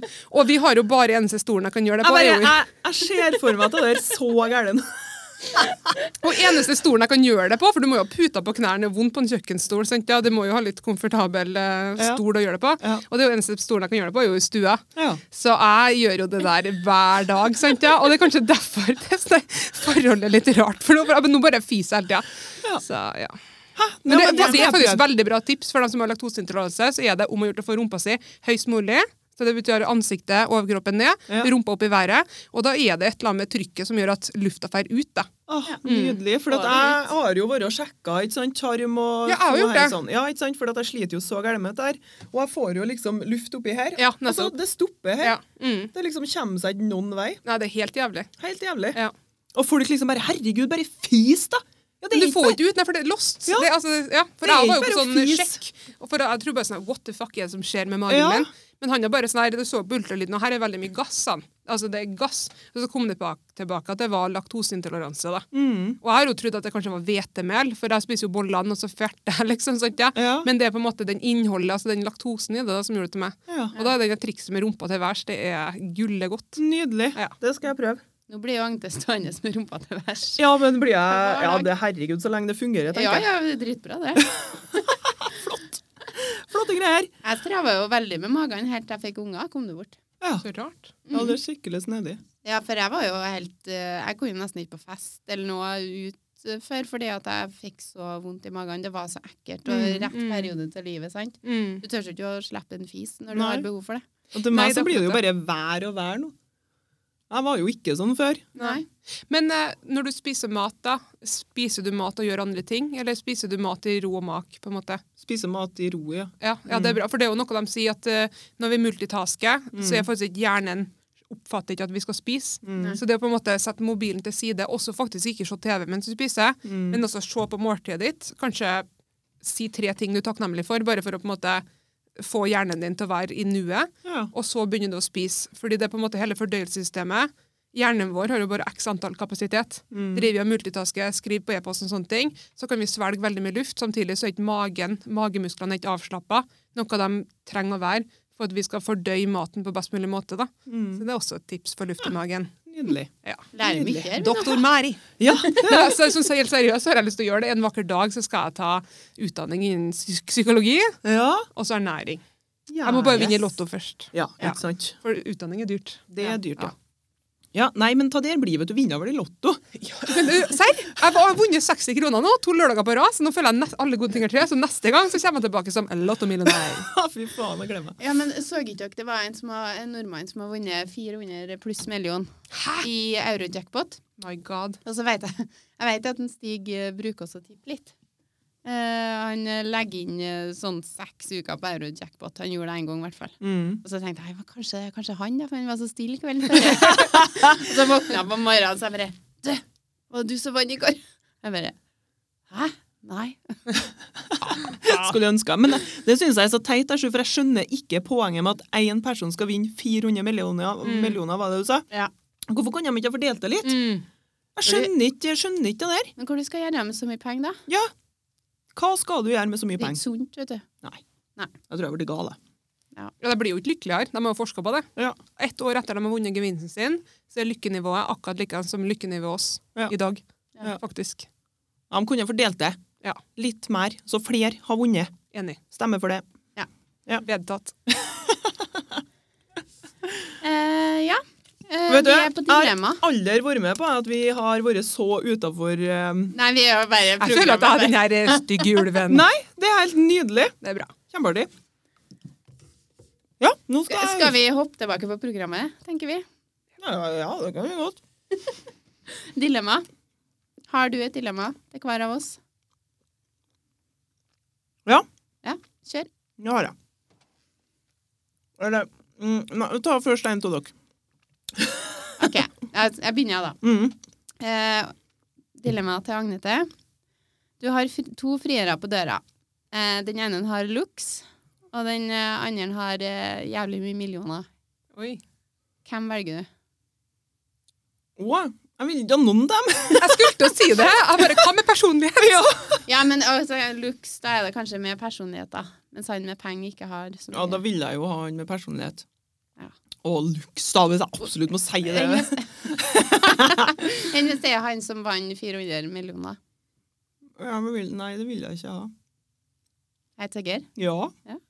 Det mener jeg, fordi at uh, hva, hva, Han er sikkert en møkkamann, da.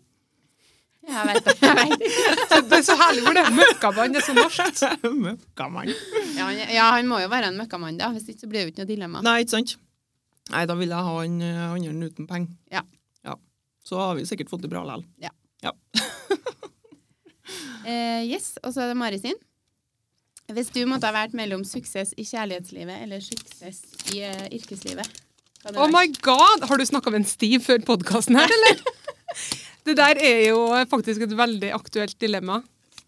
For min del. Stiv har jo vært litt sånn her, OK, bruker du all din tid på jobb, så er det jobb du sitter igjen med. Ja. Og for min del syns jeg det der er kjempevanskelig, fordi at jeg har jo kjempeissues med, med forhold. Og det bunner sikkert ut i egenverd igjen. Eller er litt sånn her, ja ja. Det er bare snart finner han ut hvor fæl jeg er som person. Og da fær han likevel. Altså, jeg er veldig på sånn her Jeg tør ikke å tro at kjærlighet varer evig. Kjempeproblem for meg at han Steve kom etter når jeg flytta til Norge. For jeg er sånn, Hæ? Gir han opp jobben sin og selger biler si for å være her? Hva er han her for? Jeg bare, Mari, er det av det? Nei, det går ikke an. Så for min del så føler jeg at det er tryggere å jobbe, for det har jeg full kontroll på. Jeg kan skape min egen framtid. Jeg kan bygge en helvetes bra CV. Og det gir meg et sikkerhetsnett. Mens hvis jeg på en måte igjen gir deg hjertet mitt, da, så er jeg sårbar. Og han kan fære, eller noe kan skje.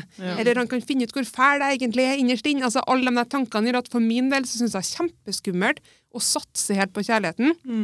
Mens han er jo helt motsatt. Han er sånn her Love conquers everything. Han er sånn her Kjærlighet er det største i livet. Mens jeg sier nei, det er veldig farlig. Altså, som, har ikke han vært så sta, så har jo vi vært slutt for lenge siden. Jeg er litt sånn, nei, nå tror jeg vi må slå opp. Det er sikkert best. Ja. Det, sånn er jeg hele tida. sant? Ja? Er det sånn det er som å høre meg sjøl! Det er så teit at vi tenker sånn. Men det, men det bunner, Vi har jo masse eh, lignende historier, altså både med puppene og hyperfiksering på utseendet. Så jeg tror det bunner ut i den der sjølfølelsen og egenverden, og det å tro at man kanskje ikke er verdt å elskes. Han snakker den der seg sjøl ned, da. Så gære at han tror jo på det til slutt. Og da blir det jo sånn som du sier, snart så finner han ut hvordan jeg er. Ja. Ikke sant? Og da må jo utseendet og alt være perfekt, for da kan du liksom kompensere, da. Da har du i hvert fall det. Hvis du liksom skal være så forferdelig ja, ja, ja. inni. ja, det er akkurat det. Ja. Synes det der er kjempevanskelig, men han vet jo hel, heldigvis hele historien min. Ja. Og det er jo ikke noe, Jeg har jo snakka om det her både på, på blogg og på Snap, og alt mulig, Mm. men jeg har jo opplevd seksuelt overgrep som har gjort at jeg um, fucka i hodet, mangel på en god beskrivelse. Mm. Så han vet jo alt det her som har skjedd i barndommen min og i ungdomsårene, Mm. som gjør at han vet at jeg syns jeg er en veldig ufyselig person. Ja. Snakk med hvem som helst som har eh, opplevd eh, voldtekt eller seksuelt overgrep, så er det en skam der. Mm. Og det er en skyldfølelse som for han og sin del så er det veldig vanskelig å forstå at jeg føler skyld. Han er veldig sånn her Nei, men det er ikke en skyld. Det har ikke noe å si. Og det har jeg hørt med andre på en måte, Jeg liker ikke å kalle det offer, men andre folk som har opplevd lignende. Mm. De var veldig sånn her Jeg var medskyldig. Ja. Um, så den der, og da, når noen gjør noe med kroppen din Mm. som du ikke vil, så gjør det at du føler deg veldig skittete og ekkel og bare, ja, fæl på innsida. da. Mm. Så jeg har jo sagt det til mange ganger. bare sånn, Jeg føler meg som et troll på innsida. altså Jeg er grusom, jeg kan ikke bli elska. Ja. Så jeg jobber jo fortsatt med den det dag i dag, at jeg jobber med det. Ja. Men heldigvis så vet han det. Så hver gang jeg er sånn her Å, nå må du fære. Mm. Nå kan du ikke være her noe mer. Så, og så slår jeg opp liksom annenhver uke. Så jeg sier, sånn her Nei, men Mari. Jeg blir nå her, jeg. Ja. Ja. Så, så jeg vet faktisk ikke hva jeg skal svare på det spørsmålet. Det var veldig bra spørsmål. Det er sånn her, Hæ, har du snakka med Steve? Ah, For vi hadde denne samtalen bare for typ, liksom, forrige uke. Ja. Hvor han bare sånn her Jeg ser at du putter alt på en måte din tid i jobb. Mm. Og det er jo igjen fordi at det er mitt sikkerhetsnettverk. Ja, Ingen kan ta det ifra meg. Mens Nei. folk kan jo fære fra meg når som helst. Ja. Mm. Ja, Veldig bra svar. ja det var bra. Mm. Jeg blir helt målløs, jeg. Veldig dype samtaler, føler jeg. Ja, Det er liksom fra eselporno til seksuelle overgrep. Ja, så det, det er det store, spekter her. store hopp. Men det der er jo livet òg. Og, det, per dags dato, altså apropos den 30-årslista mi, Mm. så er jo en av målene mine er å ligge i telt alene. Det har jeg aldri gjort før. Nei. Og det er jo fordi at igjen er jeg jo mer redd for mannfolk. Jeg er også redd for elg, da, det skal Ja. sies. Um, så jeg er redd for elg og mannfolk. Ja. Eh, og det er det jo masse av uh, i, i Harstad. Mm. Ikke at jeg tror at uh, Harstadbyggen er voldtektsmenn, Nei. men uh, igjen, jeg er redd for menn. Mm. Fordi at jeg føler at det kan skje. Mm. Jeg føler meg som en uh, liten sånn antilope i Afrika, Ja. og så er det løver overalt. Ja. Og den følelsen vet jeg ikke hva jeg skal få bort. Det skjedde når jeg var 12, og nå er jeg 28, snart 29 i januar. Ja. Så det der er noe jeg jobber med, men jeg har ikke angst på samme måte. Før kunne jeg ikke ta buss. Jeg freaka ut. Jeg, var, jeg husker jeg var Jeg gikk jo selvfølgelig når sånt skjer, så får du jo rett til psykolog, sant ja. Mm. Og etter to år, tror jeg, som behandling, var rundt 14 år, så skulle vi liksom øve oss, da. Eh, han mannen her som gjorde det her, var jo utlending, så jeg gjorde det igjen. Jeg ble, ikke rasistisk, men jeg ble redd ja, for mørkhuda menn, hvis jeg var alene med dem. Mm. Eh, og da sa psykologen ja, nå, nå er det liksom, når du har kommet så langt i denne behandlinga, at nå kan du prøve å være eh, omgitt av mørkhuda, eller folk som ikke ser etnisk norsk ut. da. Mm. Og da får jeg og mamma og pappa til Kreta. Og igjen, jeg var 14 år. Jeg sa jo til dere, jeg fikk jo pupper da jeg var 11. Hadde langt blondt hår. Dere husker sikkert hvordan jeg så ut da jeg var 14. Mm. Um, så jeg så jo mye gamlere ut enn 14, plutselig jeg sminka meg igjen pga. dårlig selvfølelse. Mm. Og når du er blond med blå øyne og bruker sminke og ser liksom søt ut i Hellas, Mm. så springer folk etter deg. Um, det er jo bare sånn det. De elsker jo blondinene der. Ja. Og da husker jeg at jeg gikk på toalettet, og så kom det en mann etter meg. Han var bare helt uskyldig. Han ville jo spørre om nummeret mitt. Ja. Men det, altså den fysiske reaksjonen man da får Jeg, jeg trodde jeg kom til å dø. Hjertet mitt stoppa. Mm. Så, så den oppgaven gikk jo ikke så bra, da. Nei. Men altså, Jeg er jo ikke så redd på den måten noe mer. Men det er sånn, skal jeg ligge i telt alene nå, så har ikke den første natta vært behagelig. Nei. Men det er noe jeg har lyst til å øve Men det er kanskje en nydelig utfordring tenker jeg, for å komme et steg videre.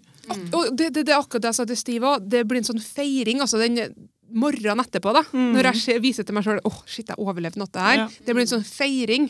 Så for min del så har jeg veldig lyst til å um, ha sjølforsvarskurs, og så fære på det. Mm. Og det var jo faktisk bursdagsgaven. Stiv er jo utrolig flink til å gi bursdagsgaver og julegaver. Han er så latterlig omtenksom, han mannen her, at det er helt sykt. Så eh, på bursdagen min i år nå, så fikk jeg faktisk et nettbasert uh, sjølforsvarskurs. For igjen, han vet jo alt som har skjedd, sant? Ja. Ja. Så, så det er kult. Men det er litt vanskelig å gjøre det sjøl. Jeg skulle gjerne tenkt meg å ha vært i en time, liksom. Ja, prøvde Så liksom fysisk. Det er på lista mi, da. Sjølforsvar og ligge i telt, det er på 30 før 30-lista mi. Ja, men Ja. det er jeg helt sikker på at du får til, Mari. Takk. Nydelig. Yes. Mm. Ja. Ja, så har du egentlig noen dilemmaer? Jeg har det, men eh, faen, dere eller du sykt bra dilemma. Ja, Ja, jeg er imponert. Det var knallbra. Ja. Nå, nå skal du få høre mitt, eh, Mari. Ja, det sånn eh, sofistikerte dilemma fra Ja. Romnes borti. Ja, det er det ikke her, nei. OK, er du klar? Ja.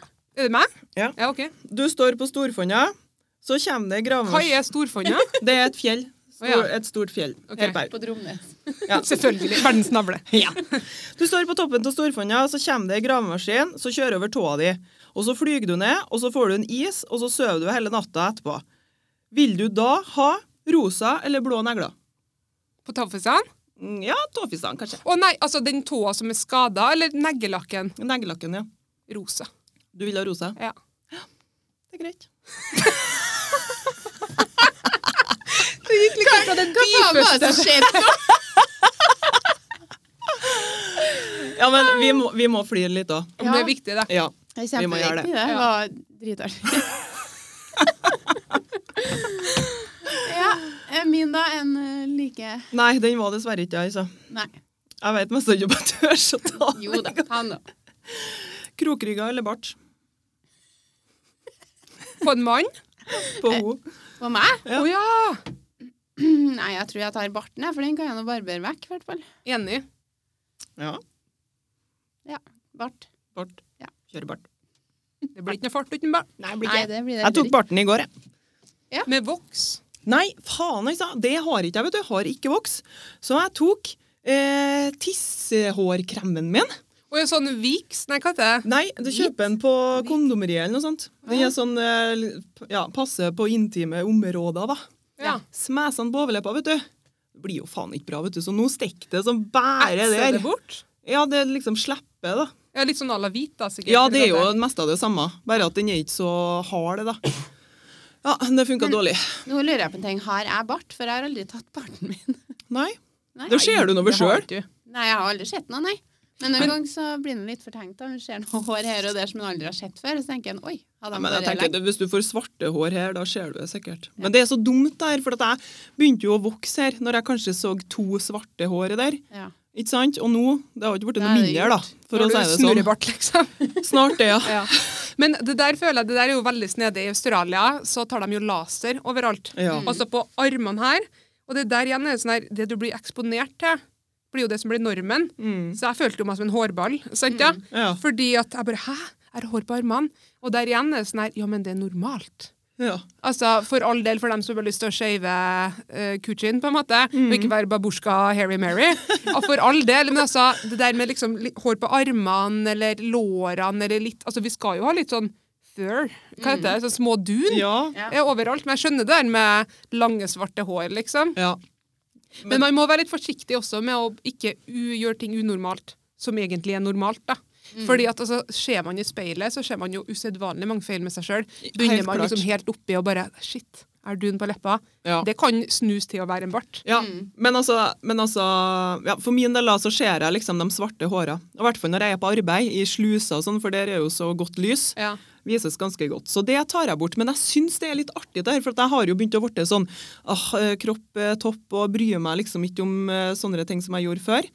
Så jeg bruker liksom, Når jeg kommer på det, så sender jeg sånn eh, stygge Ikke stygge, da, men sånn snapper til meg sjøl som jeg syns er artig, der magen henger, ikke sant, og jeg er sånn som jeg er. Og for noen dager siden her nå, så sendte jeg bilde av at jeg bare gjorde sånn som det her. Fullt av hår ikke sant, på under armene. Mm. Fordi at hår er ganske normalt, for all del. Og da liksom får jeg tilbake Det har jeg snakka om før òg. At uh, du liksom får tilbakemeldinger på at 'å, æsj', liksom. Og sånn som Senest i går så bare sånn 'å, skal du sjarmere meg, så må du barbere deg på de armene', og Men du, hvor mange sender du til? ja, Jeg veit ikke, jeg. Si eh, 15 stykker. Mannfolk. Ja. Ja. Og det er liksom, jo, men, men, men jeg syns da det er kjempeartig, jeg skjønner du, fordi at eh, da liksom eh, tester liksom reaksjoner Ja, på folk og sånn, ja. for det syns jeg er artig. Mm. Å se hvilke holdninger de har til ting, da. Hvordan er det liksom de er påvirka av, for de blir jo påvirka av ting, de òg. Helt klart. Og da er det liksom sånn gjentagende, jeg tror ta- sa jeg 15? Ja. Ja. Ja, Av 10-15 stykker, da, så får jeg liksom kanskje to tilbakemeldinger der det er sånn 'Å, trenger du ikke å barbere det', liksom. Det er nå ikke Ja. så nøye. Men resten er sånn 'Å, æsj', og Ok, Så det er to som er positive, resten er negativ? Ja, det er jevnt over. Flestene er liksom sånn Hår der? jeg bare er ikke du dame? Men hår er veldig tabubelagt. Altså, det, altså vi skal være Dama Damer skal være smooth og mjuk og ikke ha noe hår. Mm. Og jeg kjenner jo på det sjøl òg, og at jeg føler ikke meg velstelt hvis jeg har hår under armene. Men jeg har på en måte let the guard down. Jeg er ikke sånn hyperfikser. Jeg har noen venninner som shaver leggene hver gang de dusjer. De dusjer daglig. Å, Og herregud. jeg bare, hæ? What the fuck? Altså, Å shave i dusjen er det samme som å gjøre yoga naken med et barberblad. Det er jo, Ja. For det første må være latterlig fleksibel for å få opp foten for å få til barberen, Mhm. og så har du faen meg et våpen i tillegg. Altså, og så er det sånn Steve jeg husker jeg i starten igjen, for han har bare vært sammen med Han har hatt mange kjærester. Mm. Han er jo uten tvil en kjæresteperson. Så han- Og så er han sju år gamlere enn meg, så han har jo hatt mange samboerskap bak seg før vi møttes. Ja. Og han var, jeg husker jo, jeg gikk inn på det var mobilen hans, eller hva det var, og da så jeg på Google-searchen hans, for jeg har på googla noe, da kom det opp Is Norwegian women more hairy than others? og han bare OK! Så han syntes jo sikkert jeg bare OK, nå er jeg litt for komfortabel her, liksom. For det å barbe legger. Og jeg sa det til henne, og nå har jo han snudd. Ja. For jeg bare sånn her du bar, skal ha en veddemål. Barbe leggene hver dag i en måned. Bare gjør det, Stiv. Så får du kjenne hvordan det er. Ja. Eh, fordi det er helvete så mye arbeid. Ja, det er ikke alltid du gidder å gjøre det der. Og det var det apropos Iselin-dama der. Hun la jo ut en Insta-story hvor det var sånn her Ja, babe, la oss ta en kjapp en. Kjapp en i seg sjøl. Og så går hun i dusjen etterpå Mm. Ja. og vasker tissen sin. For Ja. å liksom, altså, det er jo ikke bare en kjapp en, det er jo vi som får den der søpla inni oss og på en måte blir kvitt det og Ja. og vaske og høytrykksspyler og det er ikke måte på. Altså, så det, mannfolk skjønner ikke bestandig hvor mye tid det tar for ei jente for å være sånn som så samfunnet igjen krever at vi er, da. Som Helt silkeglatte legger. Helt klart. Det er så kjedelig å skeive. Du, vet du hva jeg gjør? Nei? Det syns jeg er artig. Når jeg går med ankelsokker Ja. Så skeiver du den lille streken der? Jepp. Ja.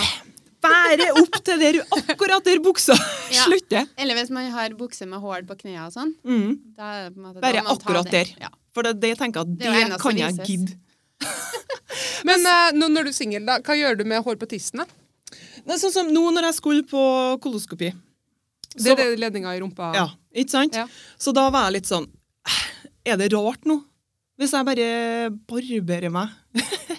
Men så tenkte jeg sånn at faen. eh, Men da blir jeg sånn opphengt i meg sjøl. Legene der er jo der for å gjøre en jobb. ikke sant? De Mm. driter jo til hvordan jeg ser ut. Men så har jeg, jeg får jo hår i rumpa, jeg Mm. som alle andre. Så tenkte jeg bare at jeg må nå i hvert fall ta det, da. I tilfelle han skal se. Bare se der òg. Ja, men de skal jo se. Nei, han så Han ikke. føler seg fremme. Ah, Han føler seg fremme. Ja, han gjorde det. Ja, men det er jo ikke noen garanti for det. Da. Han kunne vært en kikker òg, tenker jeg. Nei.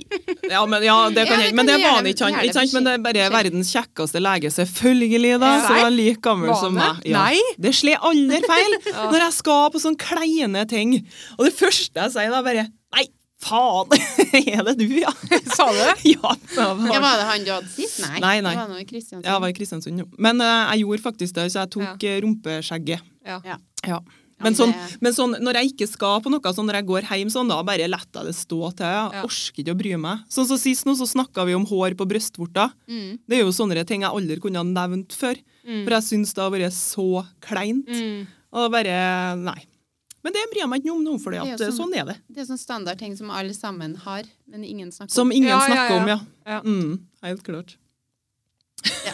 Vi må begynne å snakke mer om sånne ting. Ja. Enig. Det er bra dere har podkasten her for å snakke om sånne ting. Rumpeskjegget til Agnete og Ja. hår på puppene. Ja, det er nydelig. Så litt snapper innimellom. Ja, men, men jeg syns det, det blir forskning for meg. Jeg jeg skulle til å si det. Det blir jo sånn sosialt eksperiment. Ja. Ja, det er bare mm, Nei, jeg syns det er så artig å se hvordan folk reagerer. liksom, Hvis jeg sender til dobbelthaka mi, og til magen henger ut og sånn. Jeg syns det er så artig å se hvordan de reagerer. Om de blir sånn, Det er jo mange som mest reagerer i avsky, liksom. fordi at bare Ja. sånn Men dere toene der som syns det var greit, Ja, De må jo nå ta vare på, tenker jeg. Ja, de, de er jo på viderelista. jeg tar jo vare på alle for all del. Det er jo venner, eller ja. som jeg kjenner. Men Ja. altså um, ja. De får jo en pluss i margen. da. ja, de får en pluss i Ja, margen. ja. Ja. Supert. Uh, har du noe dilemma? Jeg tenker at jeg har et dilemma til dere begge to. Det er jo litt sånn jobbrelatert, egentlig. Men uh, vi jobber jo veldig mye med distriktsutvikling, og da spesielt få unge til å etablere seg i det som blir nye heimkommune. Mm. Og dere er jo den alderen som vi veldig gjerne skal bosette seg her, enten at de flytter hjem, for de har vært ute på studiet etc., har vært ute og lifta seg, Mm. eller at nye, oppegående, smarte folk i fertil alder, som de kaller det på statistikken, altså folk på vår alder, kommer tilbake. Hva tror dere skal til for at vi får flere folk i vår generasjon tilbake til bygda? Skal. Ja, men jeg tenker sånn, jeg bor jo på Dromnes. Det vet vi, det har vi hørt mange ganger. Ja. Dromnes, Dromnes, Dromnes! Fjellet på Dromnes. Fjellet på Dromnes. ja, nei, men ikke sant, vi har jo skole på den lille plassen der jeg bor, Mm. og så er det skole i sentrum. Har Barneskole, og ungdomsskole. Barneskole. Det er fra første til fjerde, og okay. så må de i sentrum. Og den har jo vært i fare for å bli lagt ned mange ganger. Ja. Og jeg tenker liksom Vi må jo ha skole, ikke sant? og vi har en helt ny barnehage der. Og det gjør det jo attraktivt for at folk skal flytte dit. Der er det jo Tjeldbergodden, og det er mye fiskeoppdrett. Uh, og vi må jo ha arbeid til folk. Vi må jo være en ja-kommune som vil satse og bygge ut sånt til arbeidsplasser. Tenker jeg. Mm. Veldig du bra svar. Monica? Eh, nei, jeg har jo flytta tilbake hit, for at vi bodde jo i Gjøvik. Så mm, Men det er på en måte det jeg savner med det, da, det er jo at vi ikke har de samme tilbudene. Men det går jo nesten ikke an å forvente heller, for vi hadde jo bowling før. Men det ble jo ikke brukt nok, så det gikk jo ikke. Mm. Og så er det jo butikker da, som, eh, som slipper å fare så langt hvis en trenger en kabel, eksempel, eller eh, ja. Og ellers så syns jeg egentlig det er ganske greie tilbud sånn sett, da. Det er ikke noe mye annet jeg savner. tenker jeg, altså, Her på Kyrksæterøra er kanskje ikke det største problemet, men hvis du Nei. tenker på Harsa eksempel, der det er kanskje ikke så mye tilbud, da. Da blir det jo, det blir jo arbeidsplasser, det koker jo ned til det. Mm. Folk må jo ha en grunn til å kan flytte tilbake igjen. Ja. Eh, og plasser å bo i, ja. Men vi flytta jo uten å ha jobb. Ingen av oss som har jobb når vi flytta hit. Vi Nei. bare tok en sjanse. Ja, ikke sant? Men det er jo ganske tøft, det òg. Jeg tenker sånn Ja. at det er jo ikke alle som har tørs å ta den sjansen. Nei. Men sånn som jeg var jo ganske trygg, da, for jeg var jo utdannet sykepleier, så det, da har, du vet i hvert fall at du får vakte. Mm. Men Stig hadde jo ikke, han har jo ikke noe utdanning sånn sett. Han har noe fag her og der, liksom. Mm. Så, men ja, vi begge to har jo egentlig vært veldig heldige sånn sett, da. Ja. Men det er jo ikke noe selvfølge. Nei, Så det er jo, arbeidsplasser er jo kjempeviktig. Mm. helt klart. Men så så det jeg det er vanskelig å For på der jeg jobber, Mm. det er på en kontorlandskap som heter Villa Viungen, den eneboligen som ble gjort om til frivillighetssentral og delingskontor på loftet. Mm. Og Der har de begynt med barselstreff eller babytreff, og det er jo kjempekoselig. Mm. Og plutselig så ser jeg folk på min egen alder og bare Hæ?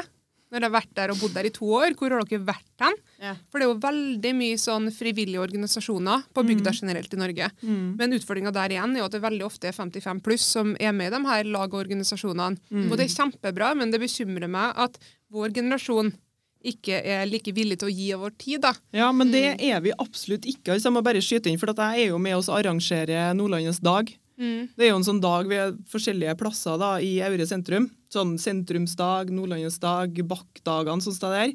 Og da er vi jo avhengig av at uh, folk har dugnadsånd ikke sant, og vil Mm. stille opp. Og da har vi liksom den eldre garde som har vært med uh, ikke sant, helt siden de var unge. Som planlegger feriene sine etter det. Ja. Og liksom er helt innstilt på at de skal være med oss ordne. Mm. Og så prøver vi også å få inn folk ikke sant, på min alder, og folk som er tilflytta, som er yngre og sånn. Og de har liksom den holdninga at uh, de drar på ferie.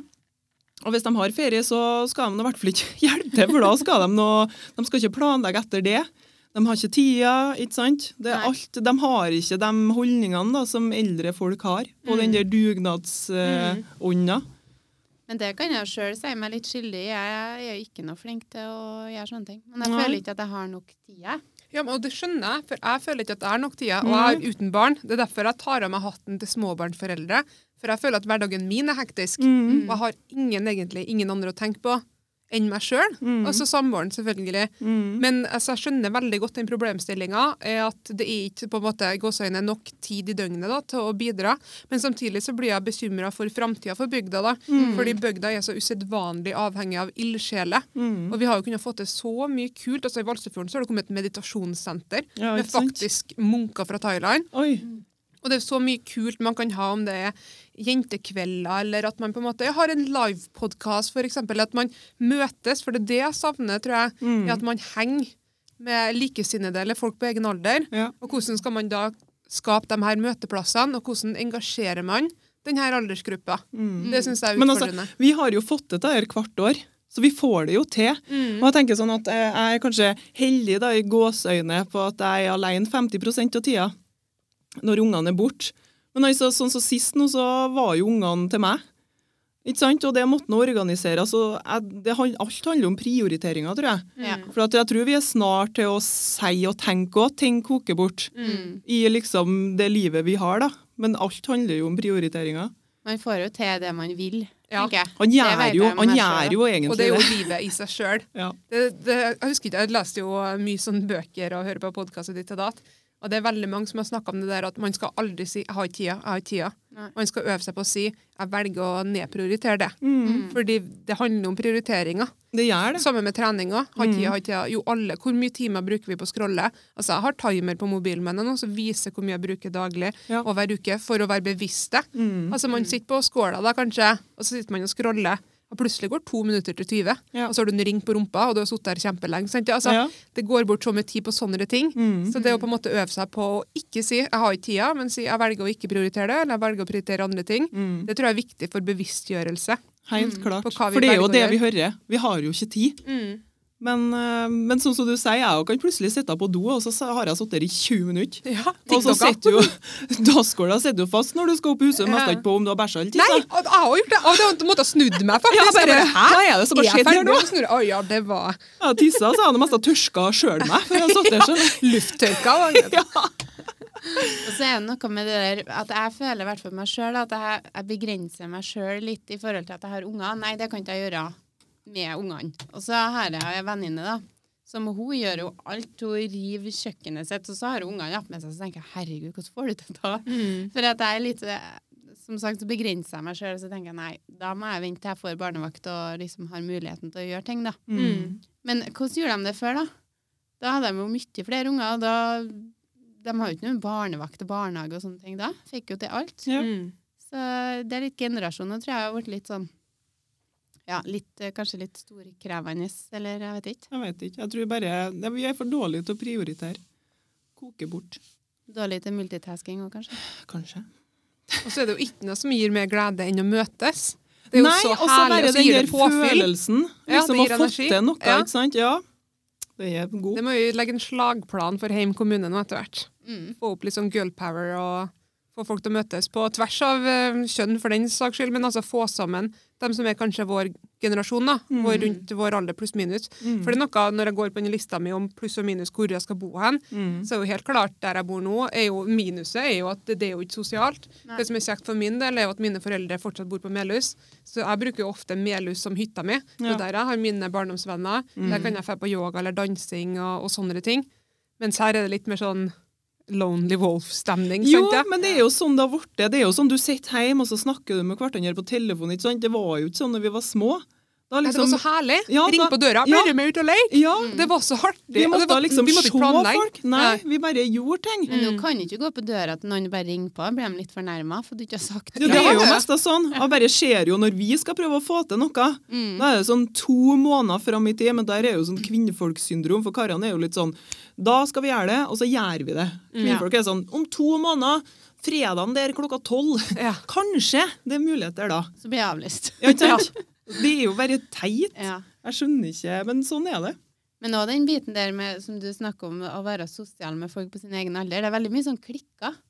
Det kan godt hende. Det er grupper, altså dem er sammen, og så har du en annen klikk. Og så, det syns jeg er litt dumt. Mm.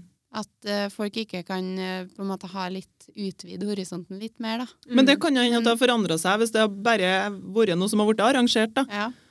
Men jeg er jo sånn sjøl, så jeg skal jo ikke si noe. Men eh, ja, det har jo vært artig å bli kjent med litt mer folk, for jeg kjenner jo ikke så mange her etter jeg flytta hjem igjen. Mm. Jeg mista mye kontakt med folk. Mm. Så Det blir et nytt prosjekt. Ja. Start opp nå på Kjørsølen, eller ikke nødvendigvis der.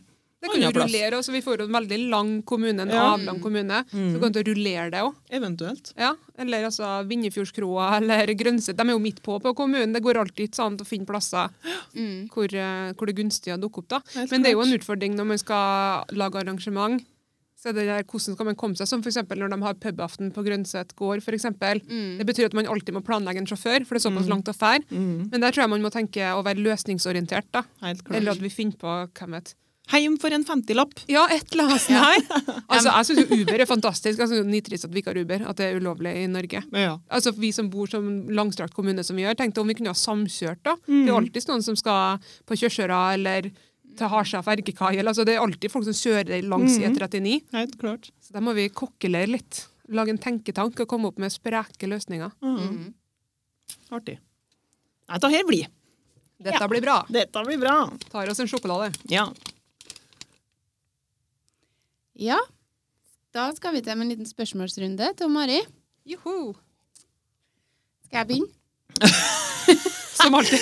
Tok du- har det klart. To, men, men det har jeg klart, jeg òg. Ja, OK, begynn, da. Ja, for nå er én ting jeg har klart, da får du faktisk ikke begynne. Nei. Ok, Mari, Mm. kan du fortelle den artigste, artigste vitsen du kan? Åh, jeg er jo så dårlig på vitser. Ja, Å nei, da ble jeg så flau, for at du vet når du sjøl syns at en vits er artig, Ja. og så får du skikkelig prestasjonsangst. Ja. Ja, men det blir Og så har hun jeg fortalt den så mange ganger at nå kommer jeg ikke til å flire sjøl heller. Nei, Ja, men, men kanskje vi flirer, da. Ja, ja. Ok. ok. Det, og så er det bra å se og høre, da. Så det, det er så, da vet dere det, liksom, hva som går uh, etter klokka. Uansett. Det er um, et trøndersk ektepar Mm. som er på gåtur. Og plutselig så hun dama har veldig smerter i magen og lagt på seg ganske mye i det siste. Mm. Um, og hun bare vet du, 'Jeg må sette meg bak en busk uh, og gjøre ifra meg'. Ja. Og han Per står nå der og venter, og kjerringa blir jo aldri ferdig. Nei. Altså Plutselig så hører han en redselsfullt hyl bak den busken der. Og så sier hun 'Per! Per! Kom og se! Jeg har abortert!' Altså, hun har født. Og så Han ble jo helt fra seg, karen. Sprang bak busken og kikka. Så han 'Nei, nå får du holde kjeften din, kjerring. Du har sett på en frosk'.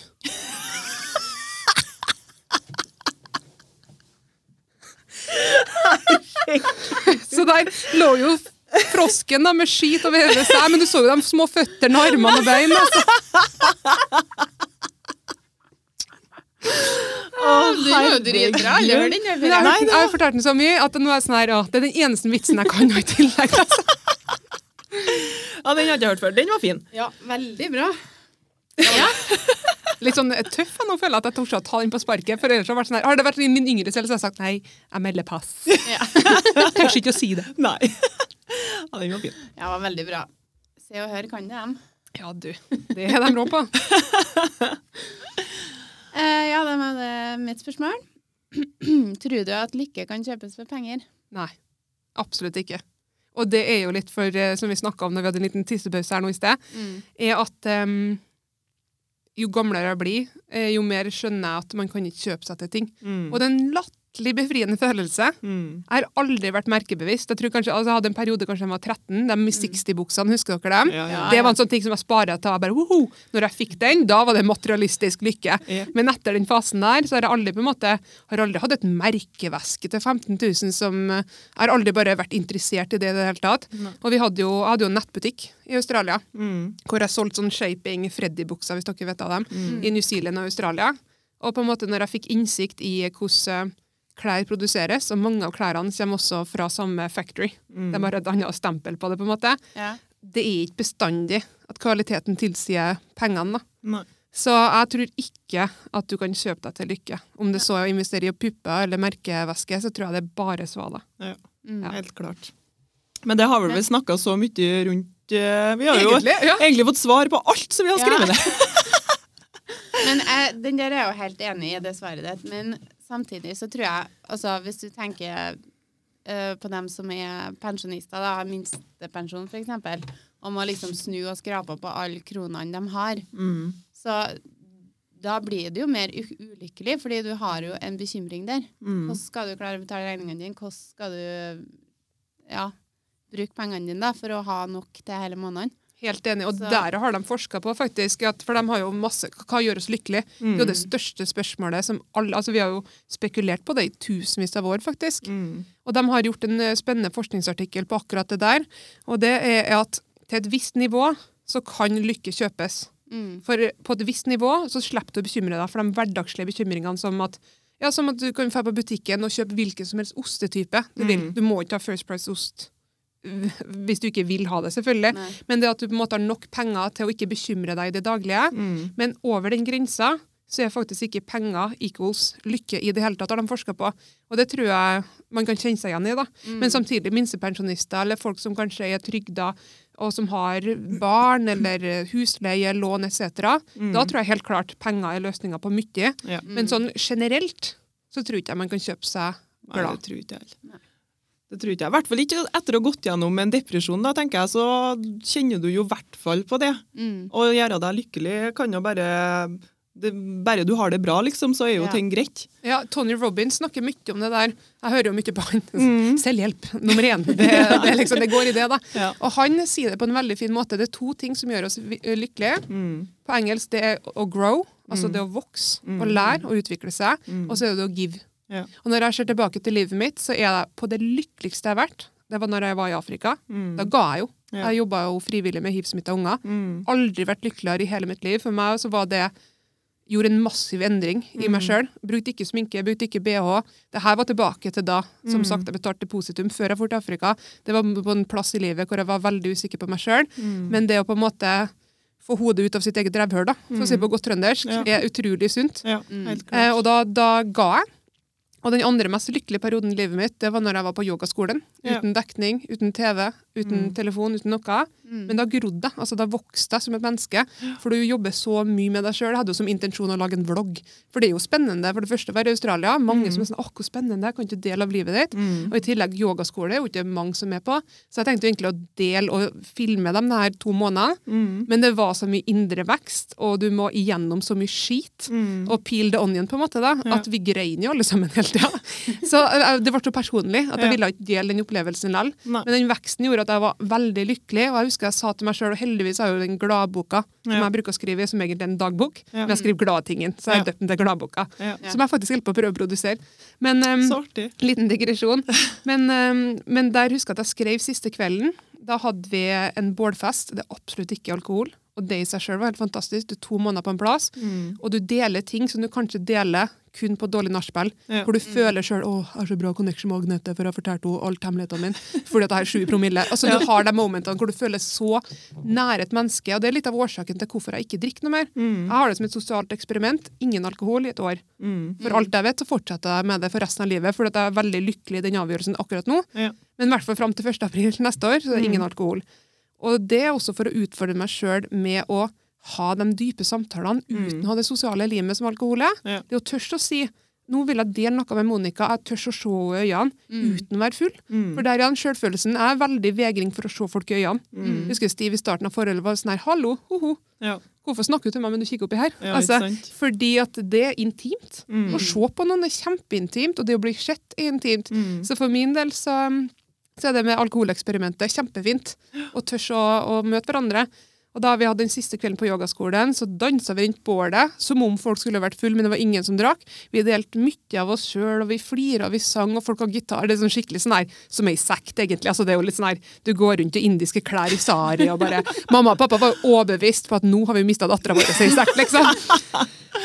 Men, og da husker jeg skrev i dagboka mi Mari, for guds skyld, aldri glem at det er de små tingene i livet som teller. Mm. Og da var stjernene altså det jo, For vi hadde jo ikke noe elektrisitet, så det er jo kjempenydelige stjerner. Og jeg husker jeg tok meg tid til å se opp. Mm. Når var sist gang dere sto opp tidlig for å se soloppgangen? Det er ingenting som gjør meg lykkeligere enn å se de tingene der. Mm. Sitte og se på stjernene eller se en soloppgang mens du hører på favorittsangen din. Mm. Det er jo så nydelig, og det koster jo ingenting heller. Så for min del er det å fokusere på vekst Mm. og det å gi, det tror jeg er oppskrifta til et lykkeligere liv, i hvert fall, om ikke annet. Ja. Mm. Mm. Nydelig. Nydelig, Mari. Ja. Herregud. Ja, Det er flere Mari. fra Mari. Marimunn. Ja, det det er er så mye visdomsord her nå at det, Litt sånn blanda baller. Litt, litt visdom og mye rart Ja. imellom. ja, men ja, men det, er sånn, jeg liker det. det er god blanding. Ja. Ja, neste spørsmål har jo nå egentlig Det er jo litt eh, diffust. eh, Det har vi jo egentlig snakka om òg. For vi har jo egentlig snakka om alt. Men jeg lurer på da at hvis du eh, liksom har eh, fått hatt en unge, har du da for å riste så mye som du har gjort? Vi har du jo snakka om barn. Ja. Vi har jo navnene klare. Ja. Så det at jeg på en måte er ikke helt antibarn. Jeg har jo Navnene er jo Billy og Bella, skal de hete. Ja. Jeg visste, og må jo få dame og mann, skal vi si, må en datter og en sønn. da. Men vi har liksom navnene klare og vært veldig på den. Både jeg og Steve har lyst til at det skal være en alternativ skole, f.eks. Mm. Og vi har jo drømmen vår er jo at vi bor Basen vår er i Australia, og så er vi hjemme i Norge fire måneder av tolv. Ja. Det er det vi jobber beinhardt for. Det er derfor så ser ikke jeg Skal vi danse, Stjernekamp etc. For jeg jobber på fritida med eget foretak. Mm. For jeg jobber beinhardt for å prøve å skape den framtida jeg vil ha. Og det gjør at jeg må forsake mye, for jeg jobber masse. Mm. Men samtidig så er det jo det å ha den der the end goal, da. Er å ha muligheten til å ha laptop lifestyle, som betyr at min bedrift kun skal være gjennom internett. Mm. Og at jeg kan uh, bo i Australia, men fortsatt være en del av familien min, for jeg er veldig familiekjær. Mm. Og det er det jeg kjente på når jeg fikk meg en fast jobb i Australia, og fikk tre uker ferie hvert år. Mm. Så ble det litt sånn her Jeg ville ikke være den rare tanta som folk ikke kjenner noe mer, for jeg er ute i periferien, liksom. Mm. Og at jeg møter dem annethvert år. Altså det Tanken på å se foreldrene mine fem ganger de neste ti årene, Mm. det dreper meg på innsida. Ja. Så for min del så er jeg nødt til å skape det livet. Og da har vi faktisk møtt par.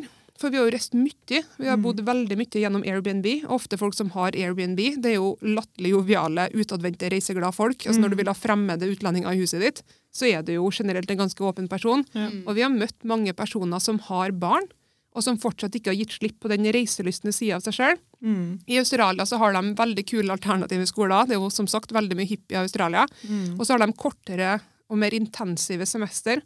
Så det vil si at de har to måneder ferie på vinter og to måneder ferie på jul. Og da går det faktisk annet at ungene er på skolen i Australia, så tar vi dem med rett til Norge i jula og norsk sommer, Ja. eksempel. Ja. Så jeg kommer ikke til å gi slipp på det. Og så tror jeg det er veldig sunt for unger å, å se andre kulturer. Ja. Men det er jo også fordi det her er min kjerneverdi. Mm. Og det betyr ikke at de som velger annerledes, det er ikke feil. Nei, nei. Men det er på en måte det å vedvare det som er viktig for meg. da. Og der igjen er den vekst og utviklinga, det å utforske, være nysgjerrig, nye smaker, nye mennesker, nye kulturer. Det står mitt hjerte nært, og det er noe jeg håper å gi til mine barn når den tida kommer. da. Mm. Mm. Flott. Nydelig. Jeg har ikke mer å si om det. Nei, jeg ble helt fortenkt. Det var så gode svar på alt. du sa. Sitter mye alene, vet du. det der. Så jeg, jeg sitter mye alene og bare Yes, endelig får jeg være sosial med to damer på min egen alder. Ja, da var det mitt siste spørsmål her. Eh, vi har jo vært innom det her òg, selvfølgelig. Du, vi har snakka om alt i dag. Vi. Mellom himmel og jord. Faktisk. Herlig, da. Ja, det er artig. Eh, hva tenker du er det viktigste som livet har lært deg frem til nå? Uh, det var et bra spørsmål. Det å kanskje bli kjent med seg sjøl og ha mot nok til å være tru mot den man er på innsida, Mm. tror jeg kanskje er noe av det viktigste. Og det å um, Min anbefaling er å reise og oppleve, egentlig. Mm. Fordi igjen har ikke jeg hatt den Afrikaturen. Jeg hadde jo en blogg i 2007 som var en av Norges største. Ja. Um, og jeg tenker med gru på hva som kunne ha skjedd hvis ikke jeg Mm. slutta å blogge. Ja, Det var jo før folk virkelig tjente på bloggen sin. Jeg skjønte jo ikke hva det, hva det innebar å komme på bloggen. Jeg husker at jeg hadde e-poster av managere som var mye gamlere enn meg, som sa hei, du har potensial, vil du være vår, en av våre liksom, kunder og klienter? Mm. Og jeg har no joke kommet til å både sett ut og oppført meg som Sofie Elise hvis jeg har fortsatt bloggen min. Mm. Og den personlige veksten jeg har gått gjennom de siste ti årene, Mm. jeg er så glad for at jeg ikke eksponerte det til folk, for Mm. jeg tror ikke jeg har hatt den mentale styrken til å kunne overleve den kommentaren og backlashen. Det å på en måte å vok- vokse og utvikle seg foran hele Norges befolkning, Mm. det har ikke jeg takla. Hva var spørsmålet ditt igjen? Nå husker jeg ikke hva jeg svarte på! Eh, hva er det viktigste livet har lært Ja. deg? Så det å på en måte kjenne seg sjøl Mm. tror jeg er det viktigste. Ikke hvem foreldrene dine forventer at du skal være, ikke hvem samfunnet forventer at du skal være, Mm. ikke hvem mannen din, søsknene dine forventer at du skal være, men hva det er du liker. For min del så er veldig lei meg for at jeg ga opp dansinga. Mm. Dansinga gjorde meg så glad, og det er noe jeg spekulerer på. Hvorfor slutter vi å gjøre ting vi liker når vi blir gamle? Eller vi er jo ikke gamle, altså eldre, gamlere, da. Hvorfor slutter vi med sånne ting? Altså, hva likte dere å gjøre når dere var ti år? Altså, var det ridning, var det maling? Men vi slutter å gjøre ting Ja, som gjør oss glad. jeg vet ikke hvorfor det er sånn. Men det er jo den der, det, det vi snakka om, den der prioriteringa. Sånn, det at vi tror at alt koker bort, og så velger vi bort ting. Mm. Jeg var jo på sånn dansehelg gjennom eh, NTNU, har jo sånn dance camp av og til på helgen, for jeg kan jo selvfølgelig ikke danse i ukedagene, for da bor jeg jo her. Mm. Og jeg var jo uten tvil den eldste der. Og så var det et sjokk i seg sjøl at jeg pusta pesa. Når jeg har aldri vært sånn her etter en dans. Men nå var jeg sånn her wow, Olga liksom på gamlehjemmet slår jo ut dansefoten. Det var en veldig rar opplevelse, men hvor lykkelig jeg var Mm. den helga der. Og ikke bare det, jeg er jo, jeg er jo den typiske personen som sier nei, jeg kan ikke gjøre noe uten at jeg er god. Dansing var jeg jo god på, Mm. så det var jo ingen problem. Mens nå var jo ikke jeg god noe mer, og det er jo flere årsaker til det. Hjernen min er jo halvdød. Altså, nikotin, alkohol, for mye stress, lite søvn, det gjør jo at konsentrasjonsevnen daler jo rett ned. sant ja? Så det å huske på alle dansebevegelsene var utfordrende i seg sjøl. Jeg huska ikke hele rutiner. Glemte av og stoppa og kikka rundt meg, måtte herme etter andre. Det har vært krise når jeg var yngre. Mm. Men nå var det bare artig. Så det der å på en måte ta vare på det man liker å gjøre, det tror jeg er kjempeviktig. Ja, det tror jeg Også når vi blir gamlere. Dagens tips. Dagens Ikke tips. gi opp ting som du liker. Nei. Og har man glemt det, det. Prøv å tenke tilbake. da, Hva gjorde jeg når jeg gikk på barneskolen og ungdomsskolen? For jeg tror mange glemmer av hva de liker. òg. Mm. For man blir så opptatt av dem rundt seg. Spesielt da, småbarnsmødre eller mødre generelt. Det er ungene, ungene, ungene. ungene. De vet hva de liker. Ja. De vet hva ektemannen sin favorittmåltid er. Men husker man hva man egentlig sjøl liker? Jo, Det men det viktig. har jeg jo opplevd sjøl. Liksom, når jeg snakker med folk, og sånn, så får jeg sånn Ja, hva du liksom gjør på fritida, da? Hva du liker å gjøre? Og da blir jeg litt sånn Ja Det er noe, er noe alt med ungene, da. Ja, Det blir litt sånn, jeg syns det er et vanskelig spørsmål. ja Det det er er veldig det. vanskelig. Men da kan du reframe spørsmålet. da I coaching så bruker vi ofte å spørre hva var det du gjorde sist gang du glemte helt tid og sted? Mm. For da er du i det vi kaller flow state. Mm. Altså det er når du er i flytmentaliteten. Mm. Da glemmer du helt tid og sted. For noen kan det være å redigere videoer. For noen kan det være å gå fjelltur. Altså Det kan være alt mulig. Men hvis man stiller seg det spørsmålet hva gjorde jeg sist gang jeg helt glemte av tida? Mm. Hvem er jeg med når jeg føler meg energisk? Det er sånne type spørsmål. For av og til kan det være paralyserende å spørre hva det jeg liker å gjøre. Mm. For man har helt glemt det. Ja. Og da må man bare snu på flisa og stille spørsmålet annerledes, tror jeg. Mm. Mm. Mm. Mm, vi sitter verre enn ikke, vi. Jeg er aldri enig. Kjempebra svar. Da, Tromnes, du skulle utfordre på noe. Ja, men det er sånn øh, Vi snakker jo så gærent at alt koker jo bort her. Eh, men eh, det jeg ville at vi skulle gjøre, da, det var jo selvfølgelig å så ordne en TikTok-video. Oh my god, serr! Jeg vet ikke hvor det er, men det er yay! Du, Da må vi, ok, da har vi tre timer, i hvert fall. Det tar så lang tid. Ja, det gjør jo det. Så jeg tenker at eh, enten så kunne vi prøvd å tatt en bare en sånn lett en, eller så må vi Øve oss til 14 dager. Ja, så må vi møtes. vi kan, lage en, vi kan se om vi finner en enkel en. Det er jo det som er artig med TikTok òg. At de er altså TikTok som oftest er det fem eller seks danser eller sketsjer som alle gjør. Mm. Ja. Så du bare hermer etter. Okay. Ja. Det er det som er liksom, og da, det er jo igjen som tror jeg gjør at det er så avhengighetsskapende, for da føler du at du er en del av en gjeng. sant, ja? Så du alle gjør det samme. Jeg laga en sånn TikTok av en pappa hvor hodet hans drar ut og inn gjennom skjermen. pappa, din, han kan bare, Hvem er bestevennen din? Jeg bare, pappa! Men han er jo med på alt jeg spør ham om, så det er jo veldig gunstig når vennene mine syns jeg er litt for teit. Da spør jeg en pappa. Ja. Så det, men det er jo simple TikToks òg, da. Ja. Ja. ja, men vi får se på det etterpå, så får vi se hva vi får til. Det får vi gjøre.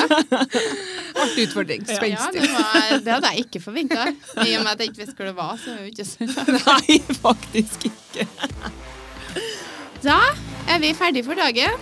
Det ble en lang episode, gitt. Det ble det, gitt. Artig, det. Kjempeartig. Tusen takk for eh, besøket, Mari. Takk for at jeg fikk komme. Det var kjempeartig. Kjempekoselig. Yes, takk for at du hørte på 30-årskrisa med Monica og Agnete. En podkast produsert av MT Media. Og så må du huske på å abonnere, og både på YouTube og på podkast. Ja. Ja. Og følg oss på Snap. Og sjekk ut filmen vår, Ja, det må du. Singelkorga. Ja. Finn den på YouTube. Yes. Yes. Ha det. Ha det. I'm not just one of the boys. I come to take that soul.